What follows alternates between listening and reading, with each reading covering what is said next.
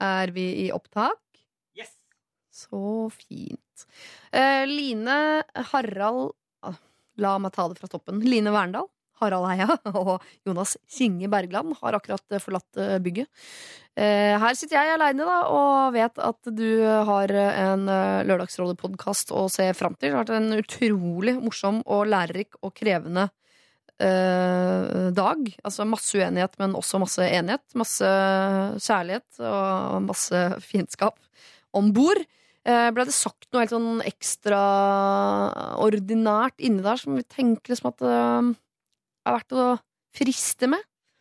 Nei, det var generelt altså høyt, eh, høyt liksom, nivå på tankene. En lege, en forsker, en skuespiller. Jeg vil si det er perfekt. Det er bare å glede seg. P3. Dette er Lørdagsrådet med Siri Kristiansen. På P3. P3. God morgen, du hører på Lørdagsrådet. Vi har akkurat hørt den låta som flest nordmenn liker for tida. I Took a Pill in Ibiza. Uh, Mike Postner. Det er jo ikke en veldig god idé, Mike, hvis du hører på. Ikke ta piller når du er på Ibiza, med mindre du er på familieferie eller har tatt en hodepinetablett eller sånt, men jeg ser ikke helt for meg at det er det du snakker om, sånn antageligvis. Bare råd fra meg, sånn helt eh, på tampen på morgenskvisten. Ikke gjør det greiene der. Det blir for dumt. Du, her sitter jeg, eh, Siri Kristiansen, eh, 36 år, eh, og kan vel ikke påstå at arrangert ekteskap er noe som har rammet meg voldsomt. Men jeg driver for tiden med såkalt arrangert kjærlighet. Eh, I går så sendte jeg en SMS til min deilige lokfører hvor det sto 'kjøp med blomster hjem'. og jeg fikk tommel opp tilbake, og eh, en og en halv time senere kommer han hjem i uniform med en kjempebukett med blomster. Og han var så stolt når han sa 'jeg har tatt med blomster til deg'. Det var en blanding av stolthet og ironi og alt jeg eh, liker. Og så ble jeg litt redd, da, fordi det er jo ikke alle blomster som er fine. Og eh, lokføreren eh, har ikke verdens beste smak, bortsett fra i damer, da. Eh, men så sa han heldigvis eh, Jeg har ikke kjøpt roser, for det tror jeg ikke du liker. Og det er veldig, veldig riktig, så jeg tenkte du er på rett spor for en fantastisk fyr du er. Åpnet opp, og det var tre forskjellige buketter med blomster. Og jeg tenkte, ja vel, da får jeg lage en egen bukett. Da sette sammen, det er jo gøy, det. Problemet er at alle var røde. Og jeg liker ikke røde blomster. Jeg syns det er stygt. Eh, det tenkte jeg det må jeg ikke si til han stakkars, helt til han spør. Syns du de var fine, eller hva, hva tenker du? Han sa at fjeset mitt eh, strålte ikke, som om jeg hadde tatt en pille på Ibiza. Det var jo mer et lunket fjes. Da sa jeg jo da, men eh, du vet jo at rødt er den fargen jeg syns er aller vanskeligst i hele verden, hva interiør, blomster, klær osv. angår. Eh, Da så jeg at han ble litt, litt lei seg og tenkte at nå fungerer ikke den arrangerte kjærlighetspakka mi. Men så lå jeg med han, og da var alt fint! Og vi kan igjen eh, se at blomster fører til eh, ligging. Nok om meg. Eh, vi sitter jo her og skal ha lørdagsråd nå i tre timer, og eh, problemer har jo alltid to sider. Noen ganger har det til og med flere, men det har alltid minst to. Hvis ikke så er det ikke et problem. Og eh, problemet er jo når man bare hører den ene siden og må tenke seg til den andre siden. Det gjør vi mye her i Lørdagsrådet. Men har du lagt merke til at man nesten alltid velger den siden som man får presentert, fordi det er den man vet mest om? For eksempel, jeg kan si ja, jeg er imot utroskap, helt til en venninne forteller jeg har vært utro, og forteller hvorfor. Tenker sånn, ja, det skjønner jeg veldig godt, det er jo helt greit, da, det må gjøre nesten mer. Det er litt farlig, det der. I dag så skal vi ta et problem som kommer fra den andre siden enn der det vanligvis kommer fra. Vi skal også ta et problem hvor vi får presentert begge sider. Så eh, Lørdagsrådet i dag tror jeg blir en eh, feineflott eh, fest.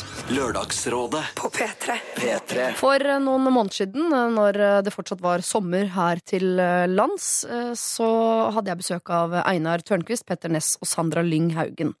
Og vi eh, hjalp jo mange, som vi alltid gjør her på lørdager, men eh, vi hjalp blant annet en som kalte seg Konfliktsky homse i slutten av 20-årene, Jens.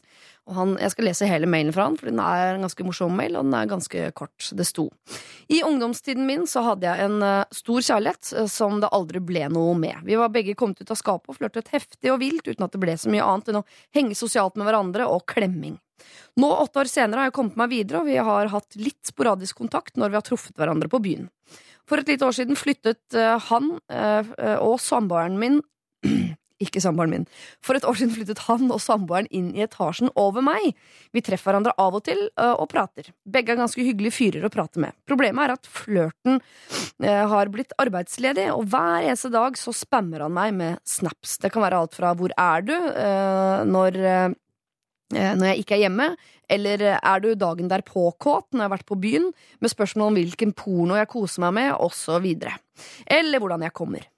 Men uh, stort sett uh, er det han som ligger hjemme på dagtid og ser på såpeserier og uh, bilder som han tar, og det er helt umulig å ikke legge merke til at han har en kram kuk i buksa. Jeg har en veldig fleksibel jobb og er hjemme, og spesielt på dagtid på hverdager. Og det er han også når han kjeder seg ekstra mye. Jeg kjenner at det begynner å bli litt patetisk. Han har passert 30, jeg er overhodet ikke snerpete, men jeg har ingen interesse av han, og jeg er ikke interessert i å være hora i oppgangen. I tillegg syns jeg det er litt ubehagelig når jeg treffer han og typen hans. Må jeg selge leiligheten min og flytte, eller bør jeg bare ignorere det hele? Eller bør jeg konfrontere han med det?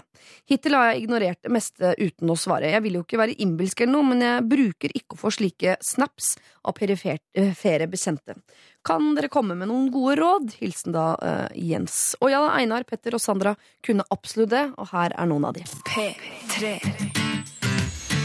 Det er, noe, det er noe litt trist og litt patetisk uh, i det òg, så lenge det åpenbart ikke blir gjengjeldt. Så jeg ville bare sagt uh, på en hyggelig måte da, at uh, det, jeg setter pris på det, men det, men jeg, det passer ikke. Det mener jeg er plan A. Og plan B eh, Det kommer an på hvor konfliktsky vedkommende er. da Mm. eh, For Hvis han er skikkelig konfliktsky, så går det også an å bare eh, ignorere eh, disse meldingene. Eller snappene. Eh, for at det, før eller senere kommer jo erkjennelsen om at eh, søren, kanskje jeg skal slutte å sende balla mi i, hurtigpost. nede- For det, det skjer jo ikke noe her. Men hvis du bare lar være å åpne de, for man kan jo se om den andre personen åpner. Hvis Ja. man skjønner at eh, Hei, de, de tingene jeg sender, blir aldri åpna. Nettopp. Han er tydeligvis ikke interessert i snapsene mine. Da slutter jeg etter hvert. Det var lurt. Dette er Lørdagsrådet På P3. P3. Her fikk eh, faktisk konfliktskyheten eh, seire. Her er det ingen som mente at noen skulle gjøre noe som helst, annet enn å egentlig sitte ganske stille i båten og håpe at det hele gikk over. Har det det? Vi har fått ny mail fra uh, Jens, og her står det. Tusen takk for hjelpen på mitt Snapchat-problem med naboen. Jeg var på nippet til å ta opp mer lån og kjøpe ny leilighet, men bestemte meg for å la det være. Jeg prøvde å følge rådene med å ignorere han, men det hjalp ikke. Det som hjalp, var at jeg faket interessert tilbake. Han syntes det var gøy, og jeg fikk enda drøyere bilder tilbake. Men så ble han grepet av dårlig samvittighet, og det ble stille. Nå er typen hans permittert fra jobben, og de har kjøpt homsehund. Så nå er de verdens lykkeligste lille moderne familie, og jeg får sikkert eh, 15 snaps av hunden hver dag istedenfor. Men aldri noe spørsmål om hvor jeg er, hva jeg skal, eller om jeg er kåt. Så livet er definitivt bedre. Ha en strålende høst. Hilsen den like konfliktsky homsen Jens. er eh, Altså, det rokker jo ved alt jeg later som jeg står for, eh, men det er jo veldig deilig å vite at det innimellom fungerer helt ypperlig å være konfliktsky, og man kan gå gjennom et helt velfungerende liv med konfliktskyheten stående eh, staut. Så til alle dere 99% av befolkningen som er det, det kommer til å ordne seg, det greiene der. Dette er P3. God morgen, eh, kjære rådgivere. God morgen. Siri. Hvor skal jeg begynne? Det er altså eh, som å gå inn i en kiosk hvor alt er gratis for meg, dette her. Eh, Line Verndal, god morgen. Ja, god morgen. Går det bra? Ja. Ja, så fint. Ja. Mm. Og du, Harald Eian? Går veldig, veldig bra. La Ja. meg tidlig i går for å være klar og full av piff. Er det sant? Ja. Jeg ble sittende oppe og se på Brille. Skal jeg fortelle. Nei, er det sant? Han går i reprise, vet du. Ja, det er sant. På fredager, ja. Ja, Ganske seint. Ja, Ja. Jeg koser meg. ja det er godt å høre. Ja. Det er bra. Og du, god morgen, Jonas God morgen. Kinge Bergland. Jeg la meg kjempeseint, jeg. eh, For jeg var på pokerlag hos en kompis. På hva for noe? Pokerlag. Pokla, vant du eller tapte du? Jeg tapte masse. Ja. Så bra, da. Spiller Texas Hold'em eller vanlig sånn eh, leirskolepoker? Nei, Texas Hold'em, ja. Å, det er gøy. Mm. Ja. Det sier meg ingenting, men høres utrolig teit ut. Høres tøft ut. Ja. Høres tøft ut. Det er Med det. ekte penger. Ekte penger. Altså med sånne skjetonger, da. Men, Ja.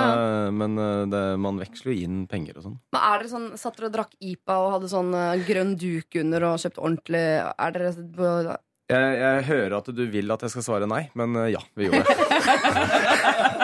Så noen ting får dere gutter ha i fred. eh, og det er greit for meg. Det universet der orker ikke å gå Ja, dere vil være med på alt mulig annet. Hvorfor ikke i pokerverden også? Er, Demokrati vil dere være med på, styre samfunnet, alt det. Men ikke poker. for meg går det på den grønne filtdruken. Jeg ser ingen gode er grunner til at den praktisk. Ja, men Ja. Og så ser det kult ut. Ja, Der er jeg uenig, og det er livsfarlig når man begynner å argumentere med at ting er praktisk. Det skal se fint ut! Ja. Mye viktigere for meg, da. Ja. Dere, eh, jeg skulle spørre deg om en ting, Harald, for jeg leste i eh, Morgenbladet. Det er ikke så ofte jeg får sagt, så jeg har veldig lyst til å si det høyt på radio. Eh, du, eh, du føler deg litt ensom? Ja, jeg har lett for å velge å være litt for mye alene noen ganger. Ja. Så det, derfor er det bra å komme hit også. Men folk syns sikkert det er veldig rart å høre at du er ensom, fordi du er jo ensom blant folk. Ja, eller jeg, jeg er ikke verdens mest ensomme menneske. Jeg skal ikke klage. Jeg har jo, jeg har jo mange folk rundt meg. Men uh, noen ganger For jeg har det er mange ting jeg er interessert i, og så er jeg ikke sånn veldig sånn glad i fest. Og jeg er ikke sånn veldig sånn ekstrovert, uh, på en måte. Og et par andre ting som gjør at jeg på en måte noen ganger stenger døren og blir sittende litt sånn for meg sjøl, da. Ja. Litt for mye, og så, så plutselig så legger jeg fra meg Mac-en og legger fra meg boken, og så kjenner jeg plutselig Å, fy faen, jeg er så ensom. så, men jeg er ikke sånn Jeg skal ikke klage. Men det er sikkert ikke så uvanlig. Jeg tenker Det er ganske mange som jo øh, gjør det, men problemet er at det er ingen som ser når andre er ensomme, for da er man jo per definisjon alene ofte.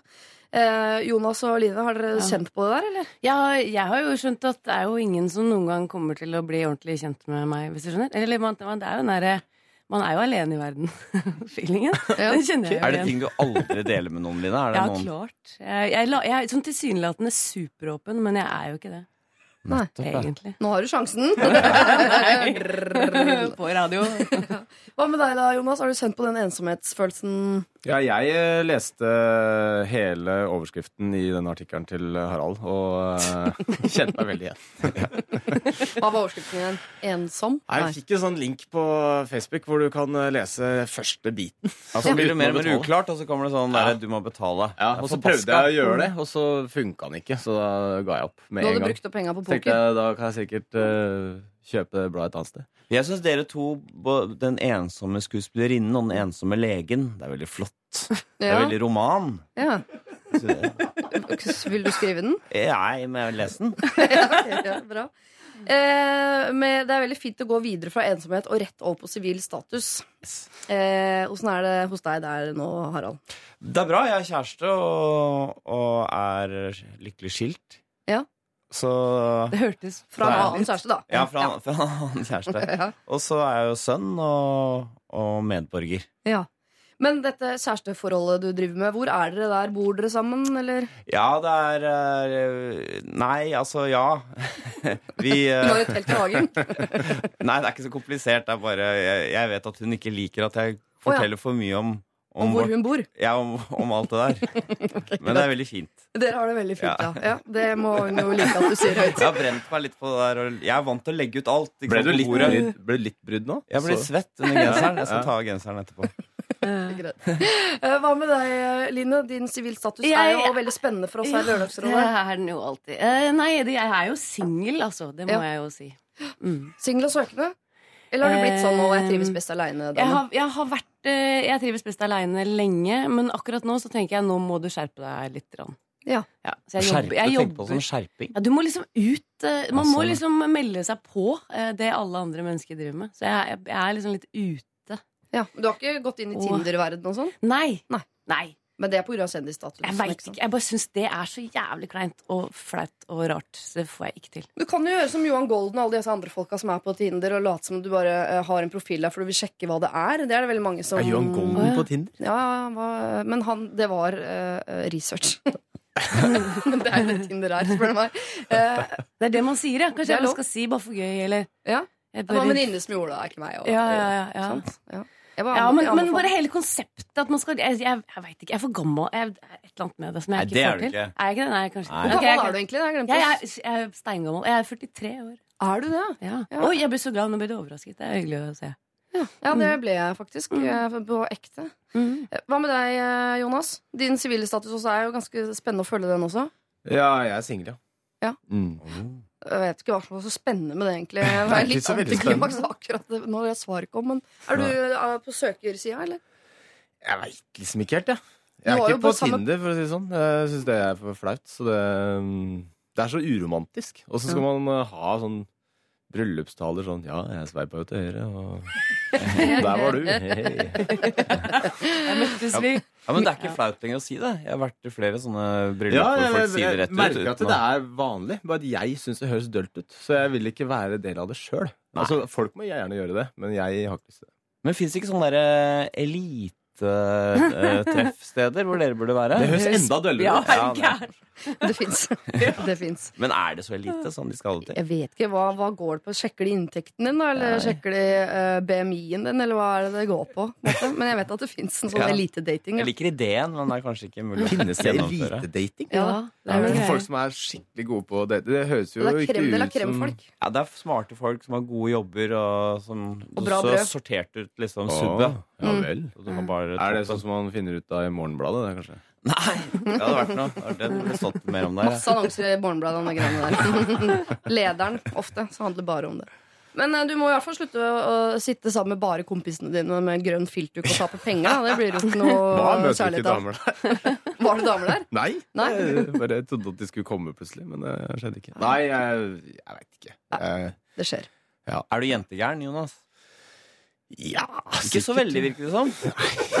Jeg føler at jeg må si at jeg er det, men det er Men du er jo en deilig type, liksom. Som Ja, både såpass. er morsom og lege og det greiene der. Så Ja. Ja, jeg, jeg blir sånn flau av uh, Nå ble du flau. sånt fokus. Du har ikke noe genser å ta av deg, så hva skal du gjøre? Du sitter bare i overkropp. Du. Jeg har singlet under. Det ser enda rarere ut. Ikke gjør det. ikke Vær så snill og ikke gjør det. Eh, eh, hva dere har på dere her i dag, er ikke så eh, viktig. Vi skal gi råd til folk som ikke kan se oss, men de hører oss. Det skal vi være klar over. Helt fram til klokka tolv.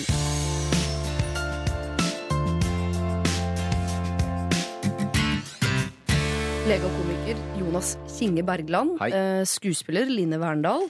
Eh, programleder og forsker, vil jeg sosiolog. si. Sosiolog Harald Eia. Ja, men du er litt forskeraktig. Ja, det mener jeg sjøl. Ja, Men jeg får ikke noe finansiering fra Norsk forskningsråd. En dag. Jeg kan skrive en god referanse til deg hvis du vil. Er det, beskyttet, det er jo ikke beskytta tittel. Hvis Nei, du bare er lurer ikke. på ting, så kan du kalle deg forsker. Det er helt riktig. Forsker, pastor Til og med ingeniør er ikke beskytta tittel. Imam heller ikke. Nei. Nei, Imam er jeg. De fire tingene skal jeg ha på min gravstøtte. Bare sier det nå. Imam, forsker, ingeniør. Dere, eh, Veldig ofte her i Lørdagsrådet så får vi inn eh, problemer fra folk som sliter med eh, stemoren sin, f.eks. Den forferdelige stemoren. Hun tar ikke hensyn til meg og mine følelser. Jeg har ikke kontakt med pappa lenger, for han er bare sammen med en ny dame osv. Men nå har vi fått eh, problem fra den andre siden. Eh, her har vi en som kaller seg for den onde stemoren. Som har hørt nettopp dette at vi ofte tar problemer fra den andre siden og vil eh, legge fram et problem fra sin side. Kjære Lørdagsrådet. Jeg er den onde stemoren. Jeg har vært eh, sammen med min snille, gode kjæreste i fire år, og vi er begge aleneforeldre og bor i ulike kommuner. Barna våre går derfor på ulike skoler, og det er ikke aktuelt å planlegge å flytte sammen med det første. Vi er mest sammen uten barn og har det supert. Det er som å være 20 år, bare at vi har mer penger, det er ingen lekser, og vi har bedre sex. Men vi vil jo selvsagt at familiene våre skal fungere sammen, og vi har tilbrakt en del helger og ferier sammen. Dette går ikke så bra. Jeg har en datter på 14 og en datter på 8. Han har en sønn på 9. Det er veldig stor forskjell på hvordan mine og hans barn bidrar til stemningen i denne nye familien. Mine barn er hyggelige og positive og rause. Eh, Det virker ikke som om hans sønn har antenner for at det er noe annet enn hans egne behov som skal tilfredsstilles. At han skal bli underholdt, eller at han skal bli mettet. Men det er ikke hans feil. Han får ingen tilbakemeldinger eller korreksjon på sin oppførsel. Min kjæreste holder et veldig høyt servicenivå. Altså Han lager maten, han vasker klærne, og han krever aldri å få hjelp. Han er raus med materielle goder, og jeg tror strategien er å oversvømme dette barnet med oppmerksomhet og kjærlighet, sånn at han skal bli et fint menneske. Og jeg tror hans mor har samme strategi. Her er det store dilemmaet. Jeg nyter jo å bli bortskjemt med oppmerksomhet og gaver og massasje fra denne kjæresten, men jeg syns han skjemmer bort ungen sin. Og da syns jeg det er veldig vanskelig å spille en positiv rolle i eh, livet hans. Det er liksom ingenting å spille på, det er vanskelig å engasjere han i noe som helst, og det virker som det eneste han blir glad for, er nye ting, penger og duppedingser. Jeg og kjæresten har snakket en del om barneoppdragelse og diskutert uendelig mange episoder de siste eh, seks månedene uten at vi har nærmet oss hverandre eh, i metode. Og jeg vet ikke om min kjæreste engang skjønner hva jeg snakker om når jeg reagerer på hvordan han håndterer sin sønn. De helgene kjæresten min og jeg eh, har vært sammen uten mine barn, bare hans sønn, så har jeg begynt å synes det er så slitsomt at jeg har mer lyst til å være alene hjemme. Jeg blir provosert over hvordan han snakker til faren sin, og jeg blir oppgitt eh, på kjæresten min som ikke tar tak i ting. Og selv om denne sønnen er et barn som ikke er skyld i sin egen oppdragelse, så sliter jeg med å like han, rett og slett. Det er vanskelig for meg å bidra da, til en positiv atmosfære, eh, og jeg føler at jeg er på besøk. Jeg kan ikke ta rollen som grensesetter, jeg er ikke pedagog, jeg vet ikke hvor jeg skal begynne. Men så må det jo sies da at de har mye mer tid sammen alene uten meg, så det er ikke sånn at jeg invaderer familien på fulltid heller. Fra å ønske å bli en happy familie distanserer jeg meg mer og mer fra hans sønn. Jeg ser ikke at det bringer noe positivt for mine barn, og at vår familie vokser sammen med deres. Er det et håp for forholdet vårt hvis ikke vi kan samarbeide om barna? Eller er det noe jeg i det hele tatt kan gjøre? Hilsen den onde stemoren. Dette var jo enkelt og greit. Har du en pille for dette? Ja, ja. Ja. Sobril heter det. Ja. Men skjønner dere, her er det altså Ofte så er det jo Altså, sønnen kunne ha skrevet det inn. Eh, det hadde blitt en veldig kort eh, mail, for han har antakeligvis nettopp lært å skrive. Men eh, eh, hvor han syns at denne stemoren er helt forferdelig. Men hun er ikke forferdelig, hun er et helt vanlig menneske som syns at eh, stesønn er en litt ufyselig type. Ja, dette er interessant, fordi det er jo, dette er jo, som du sier Den onde stemoren er jo sånn som hun er, her er. Ja. Det, sånn er det jo. De ender opp med å bli du, du, La oss si han gutten er en litt usjarmerende type på en eller annen måte. Så fordi hun ikke er den biologiske moren, så har hun litt mindre empati og tålmodighet med det, og derfor så orker hun ikke det. Tullet, da. Så den, på den ene siden er den onde stemoren, på den andre siden er det et vanskelig barn. Så dette det synes jeg var fin. vi liksom korrigerer eventyrene hvor den onde stemoren For Askepott og disse her er jo fremstilt som så innmari søte. I virkeligheten er jo ikke de barna som sliter med ond stemor, alltid så søte. Ja, kanskje Askepott var ei skikkelig megge? Ja, Ja, men du, det er... det eventyret vil jeg se. men er det så sikkert at eh, han gutten ikke liker henne? Det, kan, det, det, det vet vi jo selvfølgelig ikke.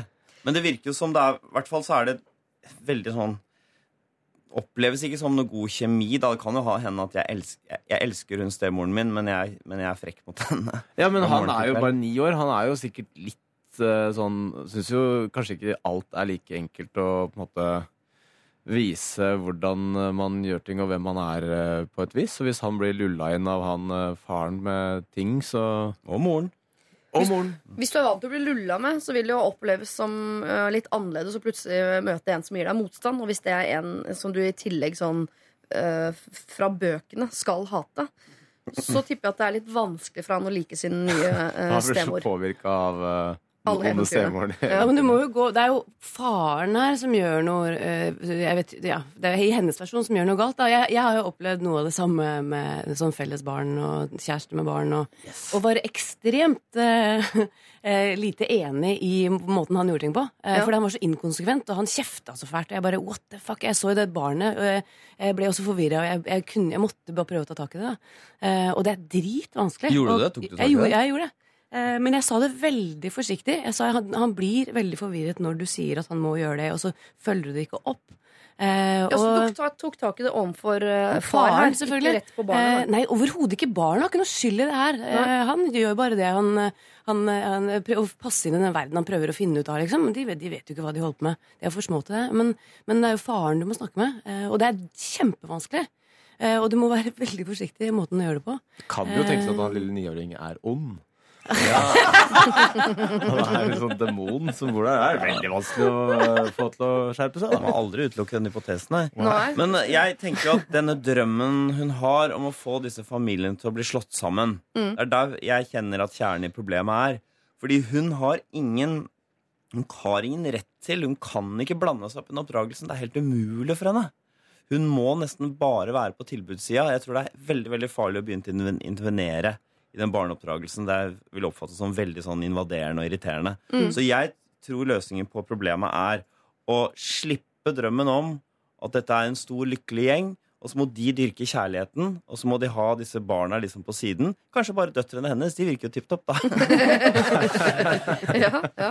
Eh, Men det er ikke det noe med måten du sier det på. Da. Du kan jo si Når du gjør sånn, så tenker jeg at liksom, Du kan jo prøve å ikke kritisere sånn. Du må ikke gjøre Men at du klarer å gli det inn, da. Eller Men- et, med noen glass vin, og alt er hyggelig, liksom.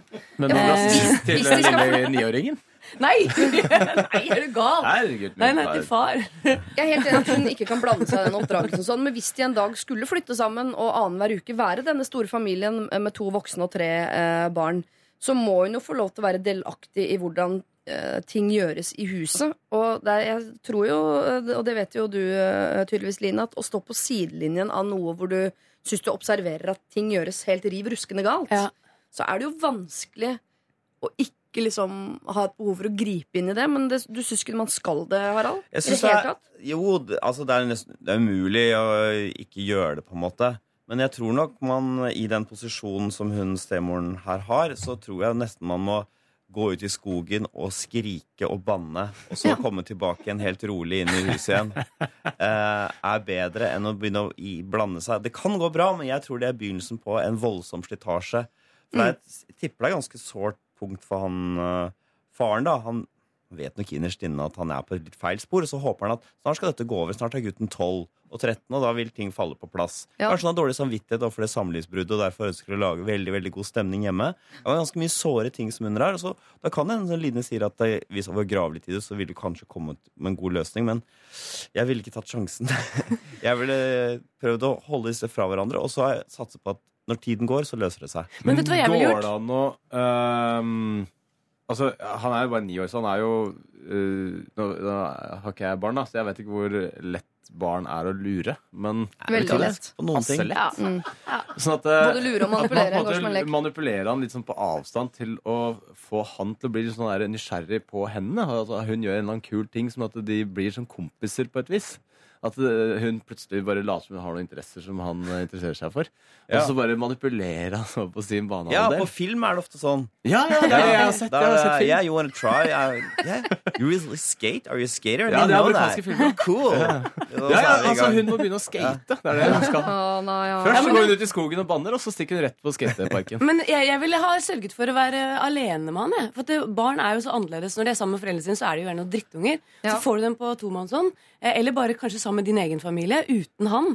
Ja. Så, så innordner de seg jo gjerne etter dine regler. Ja. Eh, gjør noe, enten alenemann eller med bare din familie, og få vekk den kjæresten. Ja, for det kan jo hende også at han vil reagere positivt på eh, å møte et menneske som har litt grensesetting. Eh, og så må det gjøres med kjærlighet, men jeg tror eh, eh, å finne på noe med han er et veldig eh, godt råd. Og også gi opp at hun skal blande seg for mye i dette. For hvordan skal hun snu både typen sin og ekskona? må Også snu måten hun gjør ting på. Og den suppa der tenker jeg at det er bedre å bare stå på siden av og heller dyrke den kjærligheten de har. Men er det noen triks for hvordan den onde stemoren kan lære seg å like denne sønnen. Fordi hvis hun liker han, så blir jo ting veldig mye lettere, da. Mm. Hvordan like folk man ikke liker. Du må tvinge deg til å henge, henge med dem, da. Alene, liksom. Er på Ja, altså, man må jo ha noen kvaliteter som, eh, som er eh, helt ok. Han er ikke den onde stesønnen, på en måte. Altså, Nei, han er ikke han er bare bortskjemt. Ja, bortskjemt. Kanskje faren var sånn en gang, han også. Blitt en bra type. Se en, eh, en spire til noe bra. Men jeg, jeg, jeg, det jeg frykter, er forholdet mellom eh, faren og hun dama som skrev inn. da Ja. For det tærer jo på det. ikke sant? Jo mer hun irriterer seg, jo mindre respekt får hun for han. Uh, og det er, hvis man skal redde det, så vil jeg ikke kaste meg ut i et sånn hasardiøst prosjekt og prøve å like sønnen og være masse sammen med han. Prioriter det forholdet.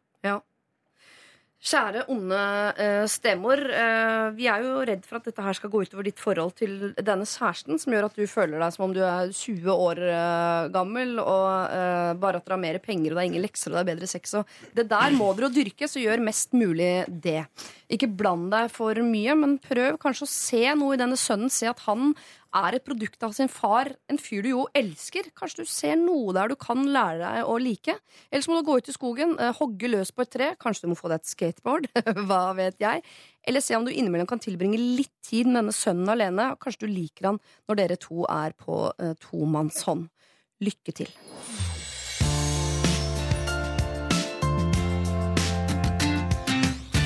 Do it again, synger hun. eh, Pia Mia sammen med Chris Brown og Tyga. Jeg kan ikke annet enn å le av at eh, noen heter eller kaller seg for Pia Mia. Eh, jeg refererer til gammel standup fra egen karriere.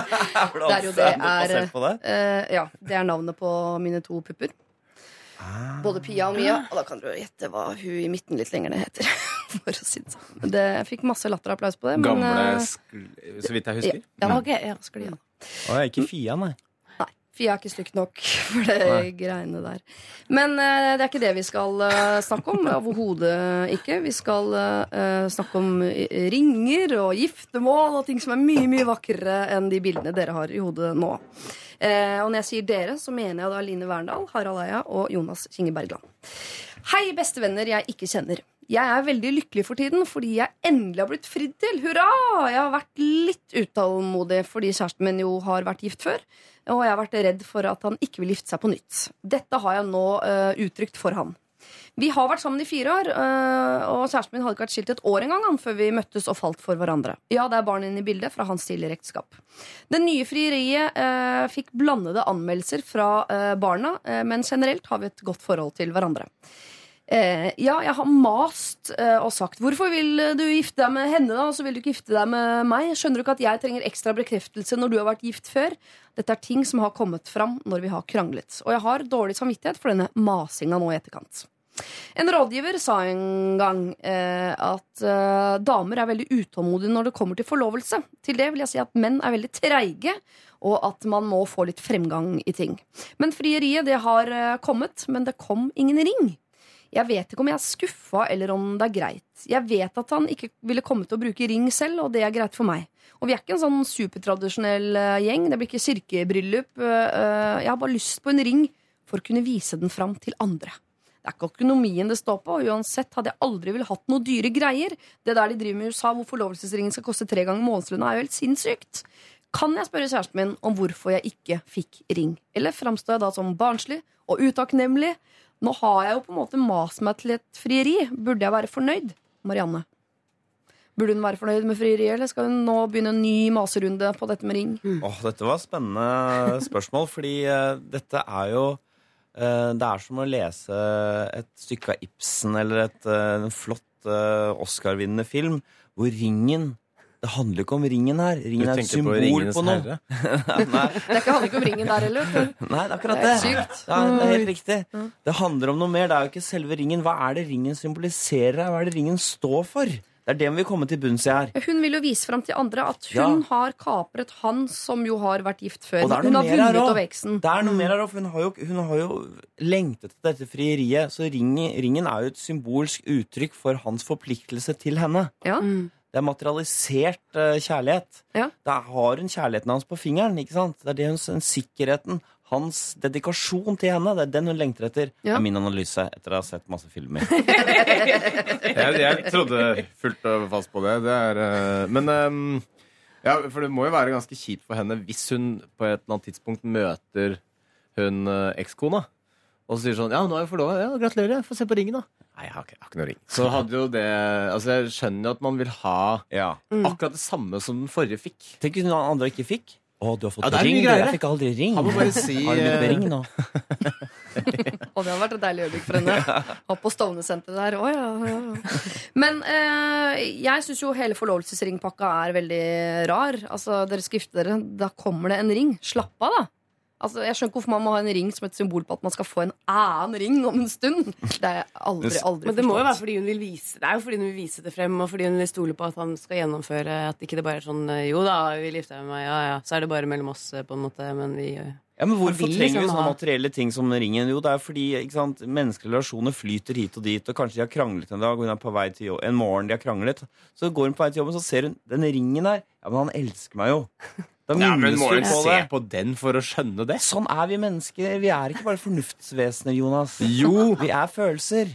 Og materialister. Ja, ja, ja. men man skjønner jo, altså Jeg kan skrive ned på en lapp, da. Men uansett, hun har Vi lyst skjønner dette. behovet. Hun kan kan hun be om det? Nei, ja, ja, og men det var måten hun sa det på, at hun skulle henvende seg til kjæresten. Altså, 'Hvorfor har jeg ikke fått ring?' Det må hun ikke si.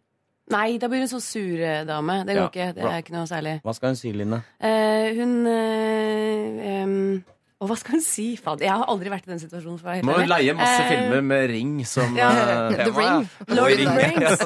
The Ring. Da får du ikke lyst på ring Men, men, etterpå. men hun, hun tviler vel på hun, hun trenger vel at han tar initiativet neste gang. hun? Hvis hun har, føler at hun har mast og mast og mast, og mast så trenger hun vel at han bekrefter at han faktisk elsker At de kan bare gjøre det. For det, er det ikke mange menn som bare blir fanget av damer? Jo, jo, jo. Som bare Å ja, så, å ja, så gifta jeg meg, og så bare blei det sånn fordi hun ville så innmari. Jeg har Ja. møtt mange sånne. Jeg vet ikke om de bare sier det til meg for å øh, ønske noe annet. Jo, det er sånn livet snubler videre, da. På Ja. den måten Ja, og så blei det bare sånn, og så, ja, så var det greit, liksom. Men, eh, men hun vil jo at han skal engasjere seg i det. Det er jo det hun vil. Ja, for da, da kan hun jo ikke hun begynne å nyte den ringen hvis hun maser seg Nei. til den? Nei, men kan hun ikke si istedenfor å si 'Hvorfor har ikke jeg fått ring?' Så kan hun si 'Vet du hva, kjære, kjære deg, som jeg er så glad i, og som jeg gjør alt for. Jeg har så innmari lyst på en ring.' Det hørtes veldig bra ut. Ja, da. det var fint. Ja, og da Åh. hvis hun hun- da gir han en sjanse til å vise at han bryr seg veldig om hennes behov. For han elsker jo henne òg. Og da tror jeg han vil si ja, men herregud, selvfølgelig skal du få en ring. Da er ikke det fine øyeblikket tapt ennå. Nei. Nei. Ja, eh, men eh, bare det, eller skal hun legge til noe om eh, hele Veldig fine sånne billige ringer Tom Wood på Palais, kan du si. Ja, for det går an å legge Man får jo sånne ting i posten hele tiden med reklame fra Tune og alle disse her. Kan bare ligge sånn tilforlatelig ved siden av kaffen på morgenen. Ja, men de Sånn der hintegreiene er eh, litt sånn dølle. Jeg er mye mer fan av den der direkte talen som er bare sånn ærlig, uten å være naggy og masete. Bare si sånn Du, det her betyr faktisk veldig mye for meg. Og det hadde vært veldig koselig. Hadde ikke det vært koselig? Jo, jo, Altså, jo. sånn, lokke det litt fram, uten å være sånn derre Uh, øh, Ja, altså, det- passiv, eh, småaggressiv hinting, ja. Mm. Når begge dere, som jo er menn, kan fortelle Line og meg at dere ville reagert ganske positivt på at en jente ba om å få en ring, så tenker jeg at Marianne absolutt kan be om å få en ring. Men hvis han er negativ til det også, eh, skal hun da begynne å mase om det, eller er dette et engangsspørsmål? Da er det bare ferdig med hele Da dropper hun hele Ja, da prosjektet. driter hun Ja, helt ja. For Som regel er jo problemet hos menn at de ikke ser hennes behov. Ikke det at de ikke har kjærlighet, men de ser det bare ikke. De legger ikke merke til det. Nei. Så hvis hun eh, gjør det tydeligere for han hva behovet er, og sier eh, for å få dekket dette behovet, så trenger jeg den ringen Ikke så pedagogisk, da, han skal jo si det med kjærlighet på en mye finere måte, men eh, Så vil hun antageligvis få den. Jeg er bare på jakt etter eh, Hvis hun får motstand på det, skal hun eh, presse for å få gjennom ønsket sitt om en ring? Eller skal hun la, Nei, hun fått frieriet, skal hun la ringen ligge? Ikke presse, men spørre liksom hva, hva, Hvordan ser du på det? Hva, hvorfor er det et problem hvis det er et problem? Ja, men Spørsmålet er et spørsmål, men to spørsmål er mas. Er min uh, Ja, men Da vil jeg stille spørsmålstegn ved hele hans dedikasjon. da Hvis han ikke, hvis han ikke etter en sånn hyggelig Og 'Å, jeg har så lyst på en ring' Ja, det er det jeg sier. slå opp. Og hvis han da ikke innfrir det, så er det jo noe gærent. Mener i du forholdet. det? Ja. Oi. Oh, ja. Ja. Men, mener du, du, ble du redd nå? Ja, hennes Ja, behov er jo hans skal han bare Det det som dekke hennes behov hele tiden for hva hun trenger. Da. Han trenger ikke noe ring i det forholdet. Han er helt trygg på at det er dem to resten av tida. Han trenger ikke noe ring for å bekrefte det. Ja, Skal men han er hver gang hun har et behov, så skal han løpe ned på Sandaker Storsenter og øh, Det kan jo selvfølgelig tenkes liksom. at hun er veldig kravstor og skal ha ting hele tida. Så Ja, han er litt sånn lei av det. Men Ja. Altså, jeg føler at hvis ikke jeg får øh, øh, iPhone 6S av deg, så elsker ikke du meg ordentlig skikkelig. altså, det kan jo. Jeg Det kan ser for meg at et er hamsterhjul gæren på og det der. Ja, det er vanskelig å vite. Vi får gå ut fra at hun ikke er det, da. For så vidt, ikke? Vi kan absolutt legge godvilja til på det. Jeg blir med på det. Det er ikke for å være vanskelig. Jeg, jeg, bare, jeg, jeg tror vi er enige om at hun kan spørre på en pen måte. Mm. Fordi vi forstår eh, behovet hennes. Eh, Jeg er bare ute etter om hun kan spørre flere ganger. Hvis han eh, Ja. ikke har lyst. Da, jeg er litt enig med Line at hvis han sier Nei, vet du hva, ring, jeg syns det er noe fordømt tull, Ja. så har han slått inn en liten kile i forholdet der. Mm. Da ville jeg vært litt uh, rygga litt tilbake. Mm. Ja. Tenkt, elsker du meg, liksom?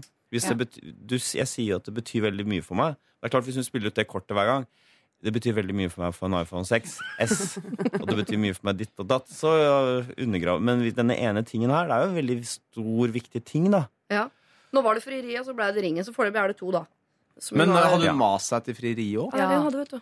Ja, den er ikke så bra. Så det er veldig touchy. Ja. Det er masing i bånn av eh, Jeg føler liksom at det er som å prøve å få en eh, Hvis du har liksom, eh, fått en uh, robot litt ut på vannet, Ja. Uh, og så skal du få den tilbake igjen ved å drive og prøve å kaste stein i vannet rundt den der uh, Det er veldig Ja. fort gjort at den driver lenger ut. Skremme den tilbake. Ja. Ja, det er det jeg er litt redd for også. At hun kan skremme bort han fyren hvis hun begynner å mase med en ny ting, ting. Og så tenker han her er det et mønster. Det kommer til å bli et helvetes jævla mas herfra og ut. Eh, og så tar han på seg dykkermaske, hopper ut av den båten og svømmer inn til land. Men Siri, hva er det du gjør? da? Du driver jo og maser om eh, frieri. Ja, jeg driver med dette her, men altså, det er noe helt annet å si hva andre skal gjøre, enn hva jeg gjør. Men det er veldig viktig å komme Men jeg seg skal ikke ha noe unna. ring! Komme seg unna masingen. Masing er ikke bra. Nei. Så hvordan kan man melde inn sine viktigste behov uten å mase?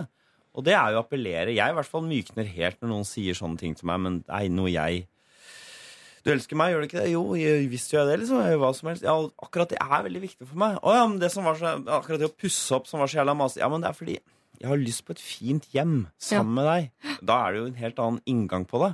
Da er du nede på malebutikken i løpet av et kvarter. ja. ok, Marianne, vi skjønner at du vil ha ring, og eh, det er lov eh, å spørre. Men eh, når du har spurt en gang, hvis du får motstand på det, så syns jeg du skal være litt kritisk til å spørre igjen. Men er han kritisk, ja, så får du sende inn et eh, nytt problem til lralfakrøll.nrk.no. Lørdagsrådet med Siri Kristiansen. På P3. P3.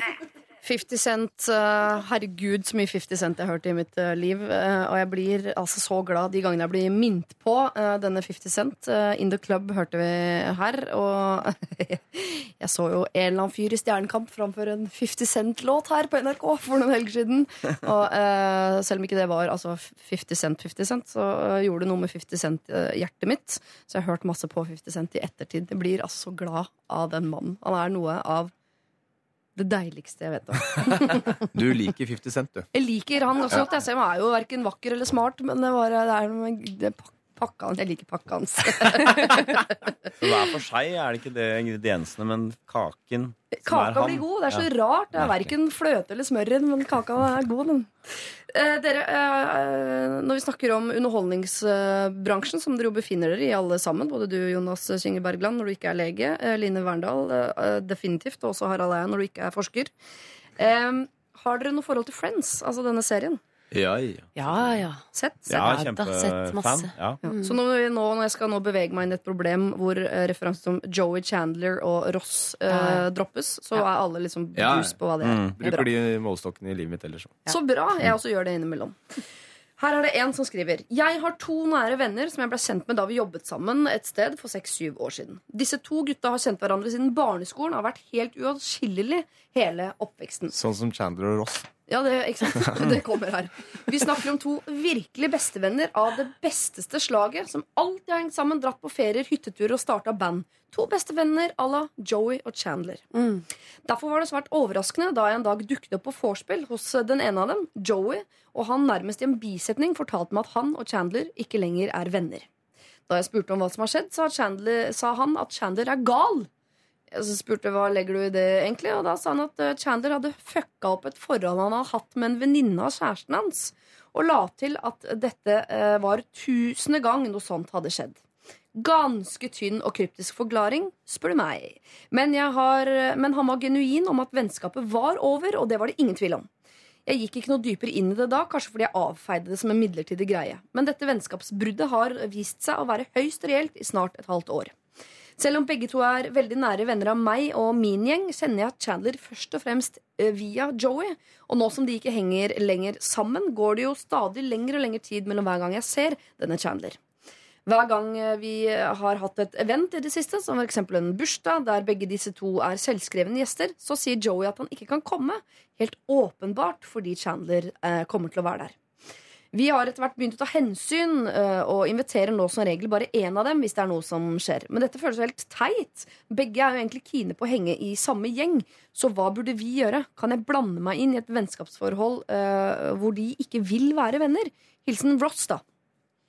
Oi, det er en gutt ja, som har skrevet inn. Det er Ross Ja, har skrevet inn og vil at. Chandler og, og, og Joey skal bli venner igjen. Bare Kan for han å være blande helt sikker. Altså, Var det ikke sånn at Chandler og Ross var venner på barneskolen, og sånn, og så kom Joey inn i bildet? Altså Nå snakker han Friends. Ikke Og Friends, ja. Altså, det er egentlig litt feil, dette. Ja, da, ja. Jo, Ja. det tror jeg. Ja, Ja. ikke Ross her roter i denne fortellingen her, da. Ja, det var, Ross er bestevenn. klussa seg veldig til for meg. Men Skrudd eh, hakk Men kan det løses? Altså, det slags konfliktråd altså, if, Dette er jo, føler jeg, eh, en episode i- av Friends, og det, de løses jo alltid. I løpet av en halvtime? Ja, Så Ja. dette burde jo 23 minutter. Ja, ja, Mer reklame og alt skal inn der.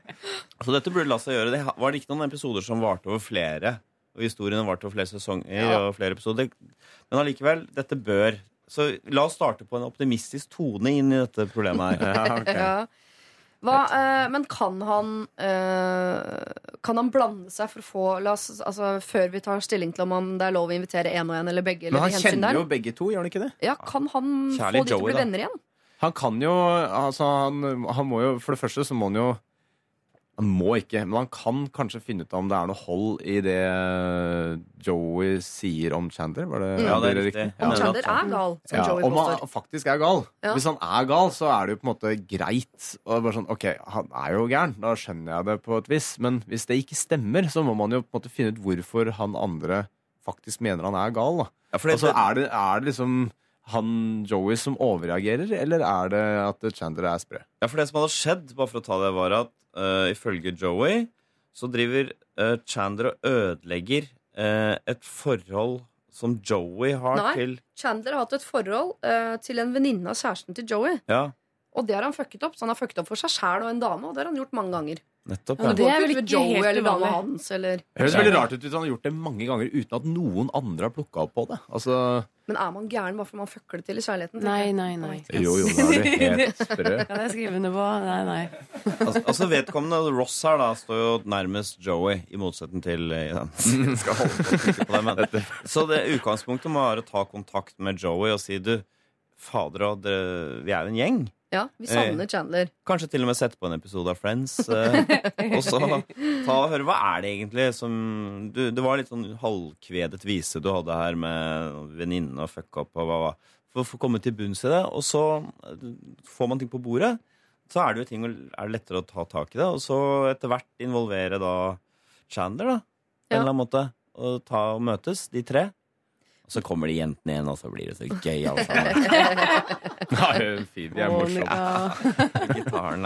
Men uh, skal Jeg synes det er rart å ta Joeys ord for at Chandler er gæren og bare stole på det. For han er jo venn med de andre i gjengen, og Ross er også venn med Chandler og har aldri reagert på at Chandler er gal. Jeg bare synes det er så rart at han skal få lov til å stemple denne fyren her helt på egen hånd. Denne Men Joey. det må ha skjedd noe mellom de to som eh, føles utilgivelig. Da. Det må være noe annet enn Kanskje bare, det bare er en en- dame, liksom. Fake historie, rett og slett. Det må ha Altså, skjedd et eller annet hvis det Joey blir er så voldsomt. Eh, kanskje Joey er gæren. Men gærne folk er også venner, tenker jeg. Det er jo gøy med en som er gæren i gjengen òg. Ja. Selv om han behandler damer dårlig, så betyr det jo ikke at han ikke kan være en god kompis. Nei. Jeg er helt ikke bli enig. sammen med fyren, men du kan være kompis med han. Men det hørtes veldig sånn der fjortisaktig ut. Og sånn her, ah, han er Hvor på gamle fest, er her de, kan ikke jeg Står det komme. Det står ikke, men de er har i jobbet 30-årene, et men for later som de lever som de er seks-syv 20. Sånn Ja. som vi Ja, Friends, kanskje. De har i hvert fall hatt samme jobb for seks-syv år siden, og da tipper jeg det var ikke samme aviserute hvis du skjønner. Nei. Nei. Så de er i hvert fall 26 eller 7, da. Jeg eh, mener at dette er helt overkommelig, eh, nesten som en eh, liten konflikt på en arbeidsplass, hvor du bare må innkalle til et lite møte. Ja. Eh, Det er jo å være modig nok da, til å kunne å presse Joey litt her. Eh, For det virker som det er noe mer som stikker under, å få det opp på bordet, og da er det mye lettere å rydde og håndtere det. Men du mener at skal snakke med Chandler en gang til? Kunne ikke vært greit å høre Joeys versjon av øh, hvorfor de ikke er venner lenger? For det virker ikke som noen har snakka med han. Det er riktig, Han kjenner jo bare Chandler via Joey, så kanskje ta en litt sånn rar telefon. Du, uh, Chandler det er Ross her. Vi snakker aldri nesten sammen, nesten. Jeg blir så forvirra. Hvem, hvem er det som er gæren? Hvem var det som uh, Chandler er gæren. Chandler er gæren. gæren, ja. Joey er kompis. Og han som skriver inn, Ross, han er bestevenn med Joey, er ikke så nær Chandler. Nei, det stemmer. Det som hjalp oss først med å se ting klarere for seg, er nå blitt veldig sånn forvirrende. Ja, ja, ja. Og så ser jeg Phoebe og Monica Ja, og ikke sant, hele Ja. tiden. Men jeg lurer på om det er noen damer som driver og fucker med dem i bakgrunnen her. Hvis for det, den, den der konflikten med at hun var, uh, var er det han var sammen med venninna til kjæresten som han drev og fucka. Hva er det? Han har en Jeg tror Joey har en kjæreste som driver og lager splid. Det er min teori. Ja, Ellers er det noen følelser til denne dama han har fucka opp med. Fordi det er veldig nytt for meg at gutter blir uvenner dit. med kompisen sin fordi de har behandla en eller annen dame dårlig. Ja, ja, ja. Det er veldig Ja, det her er det noe, her er det noen venner. Ross er forelska i venninna til kjæresten. Det er ikke Ross. Nei. Joey. Joey er Er det mulig? Du skjønner det, hvorfor det La oss kalle henne for Rachel, da, bare for å Vi gjøre skjønner det. vi får ikke løs i denne episoden. Det vil bli en dobbeltepisode. Absolutt. To be continued. Det er dette som er filmen som kommer snart. Ja, den jeg tror, det er, ja, jeg tror det er noen damer som står bak. Ofte er det det. Men i hele dette kaoset her så syns jeg likevel jeg hører, Ross, at det du i hvert fall må gjøre, er å eh, ikke la det ligge. Du må jo snakke med Joey få hans eh, versjon av hva som har skjedd her. Eventuelt snakke med Chandler en gang til. Eh, gå litt mer i dybden på hva det er som har skjedd, og prøve å få de to til å bli venner. Og hvis du klarer det, og det tror jeg du får til, eh, så er vips så er det andre problemet du skisserer her. Det er borte. Hvem som kan invitere når og hva, og hvilke hensyn man skal ta. Det trenger du ikke lenger. Det du må fikse, er det vennskapsbåndet. Og det gjør du altså eh, tidligere via dialog.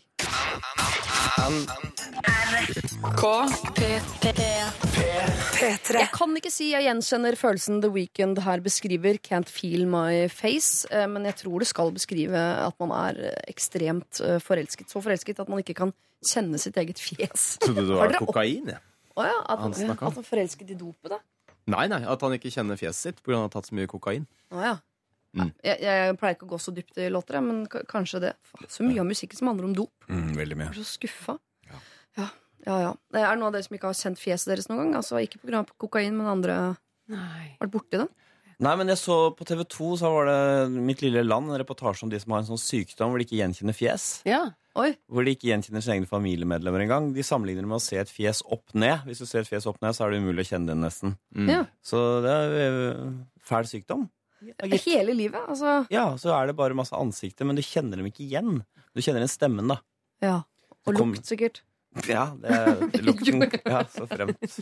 Er det deg, far? Nei, Jeg skal ikke tulle med en sykdom. Det høres helt forferdelig ut. Men uh, det var litt morsomt òg, da. Du har sikkert hørt om den sykdommen, Jonas. Ja, jeg du er jo lege. Jeg er jo lege, så jeg har hørt om alt, jeg. Har du noen gitt den diagnosen noen gang? Du har sånn Ja, innimellom. Hvis jeg kjenner fjes, fjessykdommen. Du har en sykdom hvor du ikke kjenner igjen fjes? Jo, jo. Hva heter den sykdommen på latin, da? Du, jeg husker ikke. Nei, ok. Ja, det er noe amnesia, fjesamnesia eller noe sånt. Fjes amnesia. Fjes, ja. oi, oi, oi, så gøy. Kanskje er det The Weeknd synger om. Hva vet vi? Dere, vi skal uh, ta tak i et problem hvor vi er altså så heldige å få begge sider av problemet. Det får vi nesten aldri av Lørdagsrådet, men her har både hun og han skrevet hver sin del. Først hun. Uh, samboeren min og jeg har vært sammen i seks år. Vi er fortsatt forelsket i hverandre, og jeg tør påstå at uh, alt er tilnærmet perfekt. Æsj, men ja. Bortsett fra én ting. Han vil ha biologiske barn, jeg vil adoptere. Ikke akkurat nå, men omtrent om to til fire år fra nå. Jeg har aldri vært eh, særlig keen på verken være gravid eller føde, og alle mine verdier støtter opp mot å bli foreldre til et barn som virkelig trenger foreldre, istedenfor å lage et nytt. Kjæresten min er hakket mer klar for barn enn det jeg er, og han har rett og slett lyst på egne barn. Det syns jeg er en god nok grunn. Han har også fortalt meg at han er redd han ikke vil bli like glad i et adoptivbarn, noe jeg syns er utrolig ærlig sagt av han. Uh, og at det vil bli ubehagelig å måtte betale en så stor sum penger for et barn, akkurat som det er noe man bare kjøper. Er jeg egoistisk hvis jeg ikke vil ha hans biologiske barn bare fordi jeg ikke vil føde? Det er jo tross alt jeg, og det er min kropp, og det er jeg som bestemmer utfallet her til syvende og sist. Jeg kan ikke overtale han til å adoptere hvis han innerst inne ikke vil.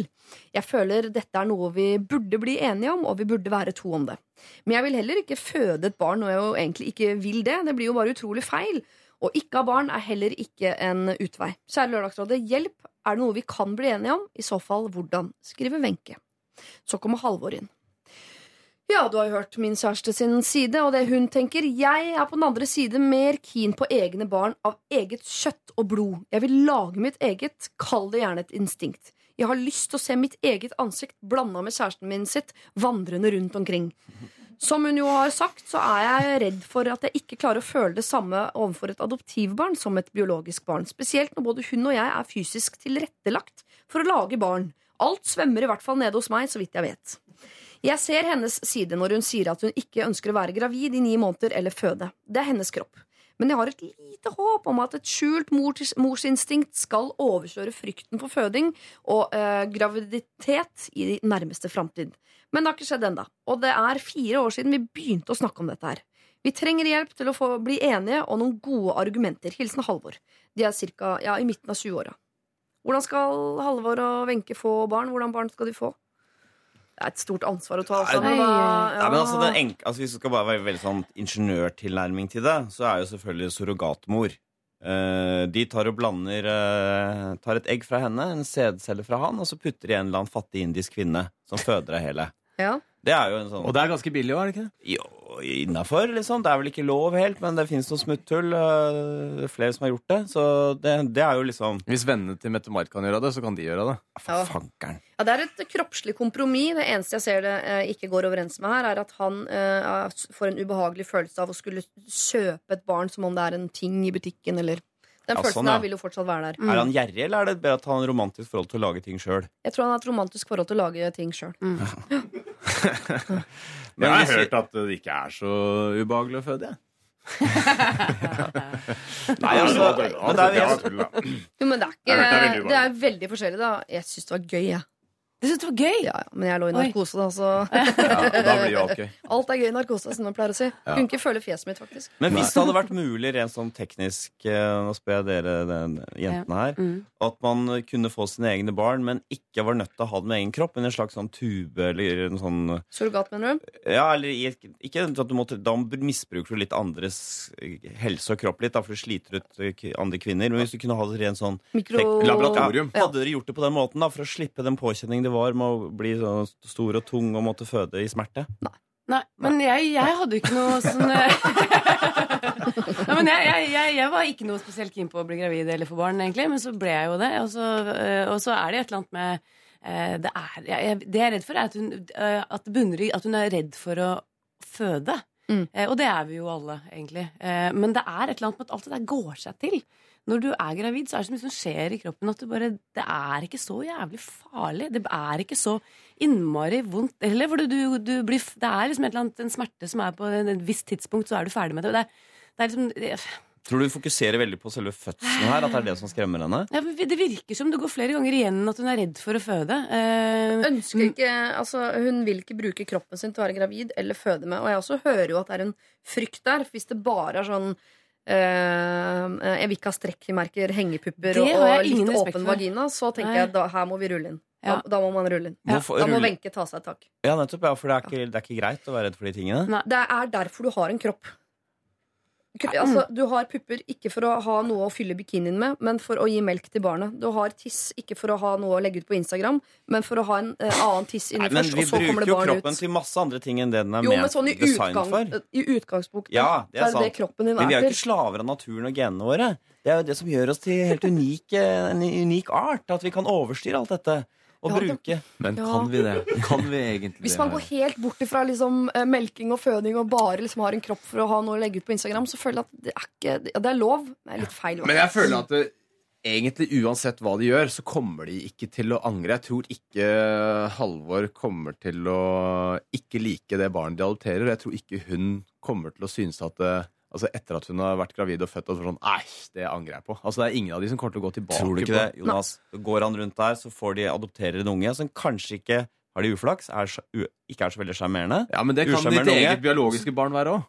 Ja, det er sant, men da, i første tilfelle så tenker Halvor det er ikke mitt eget kjøtt og blod. Det er ikke mitt eget kjøtt og blod. Men på andre sa er mitt eget kjøtt og blod, litt usjarmerende. Det kan jeg leve med. Ja, men da, kan, jeg også, da, da blir skuffelsen mye større hvis det er ditt eget kjøtt og blod. Ja, herregud, Og- jeg er Det er mye greiere. Jeg har liksom bare sånn, Æh, drittsekk, men det er faktisk ikke mitt barn, så hallo, lykke til. Ja, ja, ja, det er jo Jeg, er, jeg, jeg tror også det at uansett hva de ender opp med her, så kommer de til å bli strålende fornøyd. Uh, Halvor kommer til å bli nøyaktig like glad i adoptivbarnet, uh, og Wenche kommer til å bli ikke nøyaktig like glad i kroppen sin etterpå, men hun kommer til å bli veldig glad i det barnet. Eh, kan jeg, Nå bare hiver jeg forslaget opp i lufta. Kan de få ett av hver? Ja. Ett av hver, det er verste av begge verdener. For da får da får Begge, alle taper, og så er det 1-1. De får et barn de ikke er glad i, og hun får en kropp hun ikke elsker. Ja. Ja, ja, ja, i, verste, I verste fall. Nei, hun, men dere antyder, at, dere antyder jo, eh, jentene i, i gruppa her, at Wenche er litt umoden. Nei, alle som ikke er, eh, har vært gravide, syns det å være gravid er skummelt. Ja, det er, du Ja. er jo ikke du ikke- Ja, men det er sånn, Det syns jeg en gang òg, men så viser det at det er ikke sånn. Ja. Alle tror det når den unge uerfarne. Utrolig irriterende, men det er jo sånn vi mødre snakker til folk som ikke Ja, er mødre. Så beklager. dette vet du ikke noe om. Nei, men- det er, men det gjør man jo ikke. Man gjør jo virkelig ikke det. Sånn Før man har fått barn selv, så aner man jo ikke noe om hva som skjer med deg. Eh, og du, det, er jo, det er jo en eh, eh, opplevelse som ikke kan måle seg med noe annet. Jeg elsket å være gravid. Jeg følte meg altså så sexy. Gikk i trange klær. Eh, lå mye mer med lokføreren enn jeg noensinne har gjort, verken før eller siden.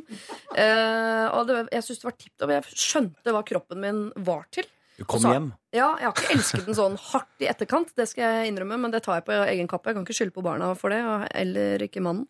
Men, eh, men så er det noen som sier at det er en modningsprosess i forhold til sånn der skal morsinstinktene dukke opp sånn. Det er jeg ikke helt enig i. Det kom like sjokkerende på meg at det barnet inni magen skulle være et menneske som jeg måtte behandle. Ja, Sånn det på faktum at du har hatt det inni deg, det er ikke det som gir empatien og omsorgen. Nei, altså Morsinstinktet tror jeg skyter eh, fart uansett om du føder ut eller om du henter det.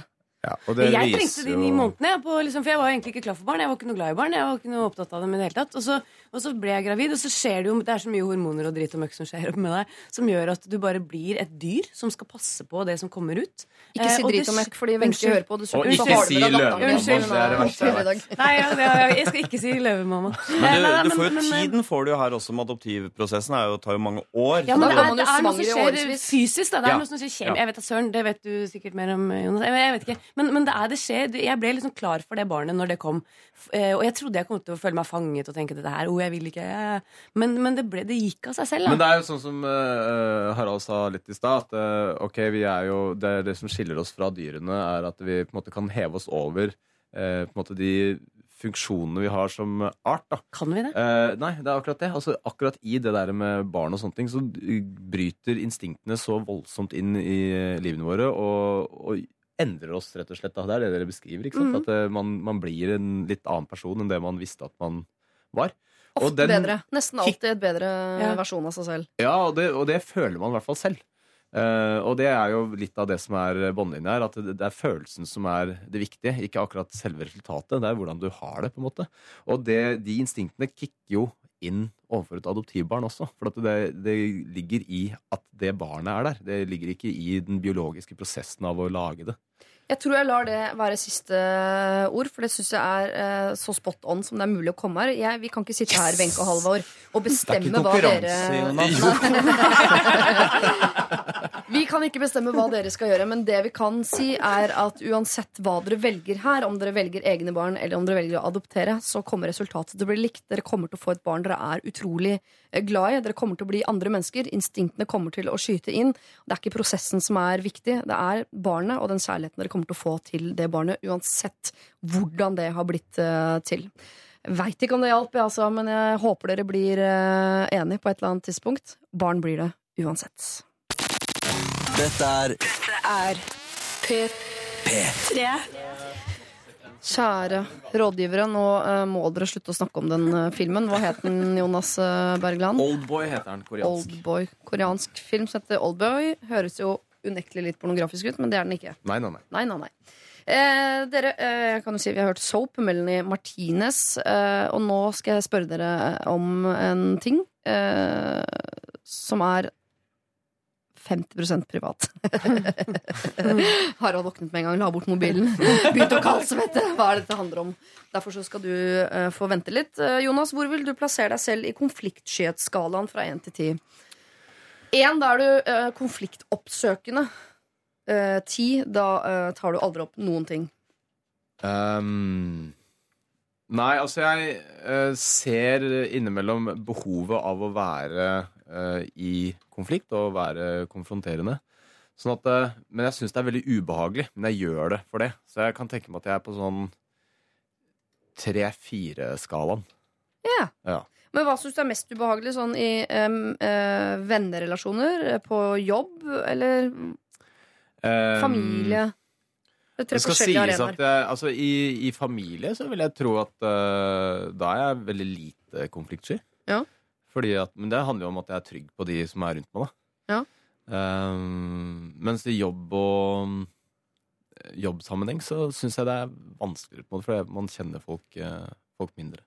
Er det standup-miljøet du refererer til når du Eller legemiljøet? Du, nå tenkte jeg faktisk på legemiljøet. Å ja, og- ja, for da, det er ikke så lett å si sånn Jeg syns faktisk ikke du sånn- klarte å spjelke det benet så bra. Eller er det det, eller? Hva? Nei, jeg tenker mer på vanlig sånn arbeids, uh, arbeidsmiljø. Litt sånn, egentlig bare sånn Du kan sammenligne med et kontormiljø, da.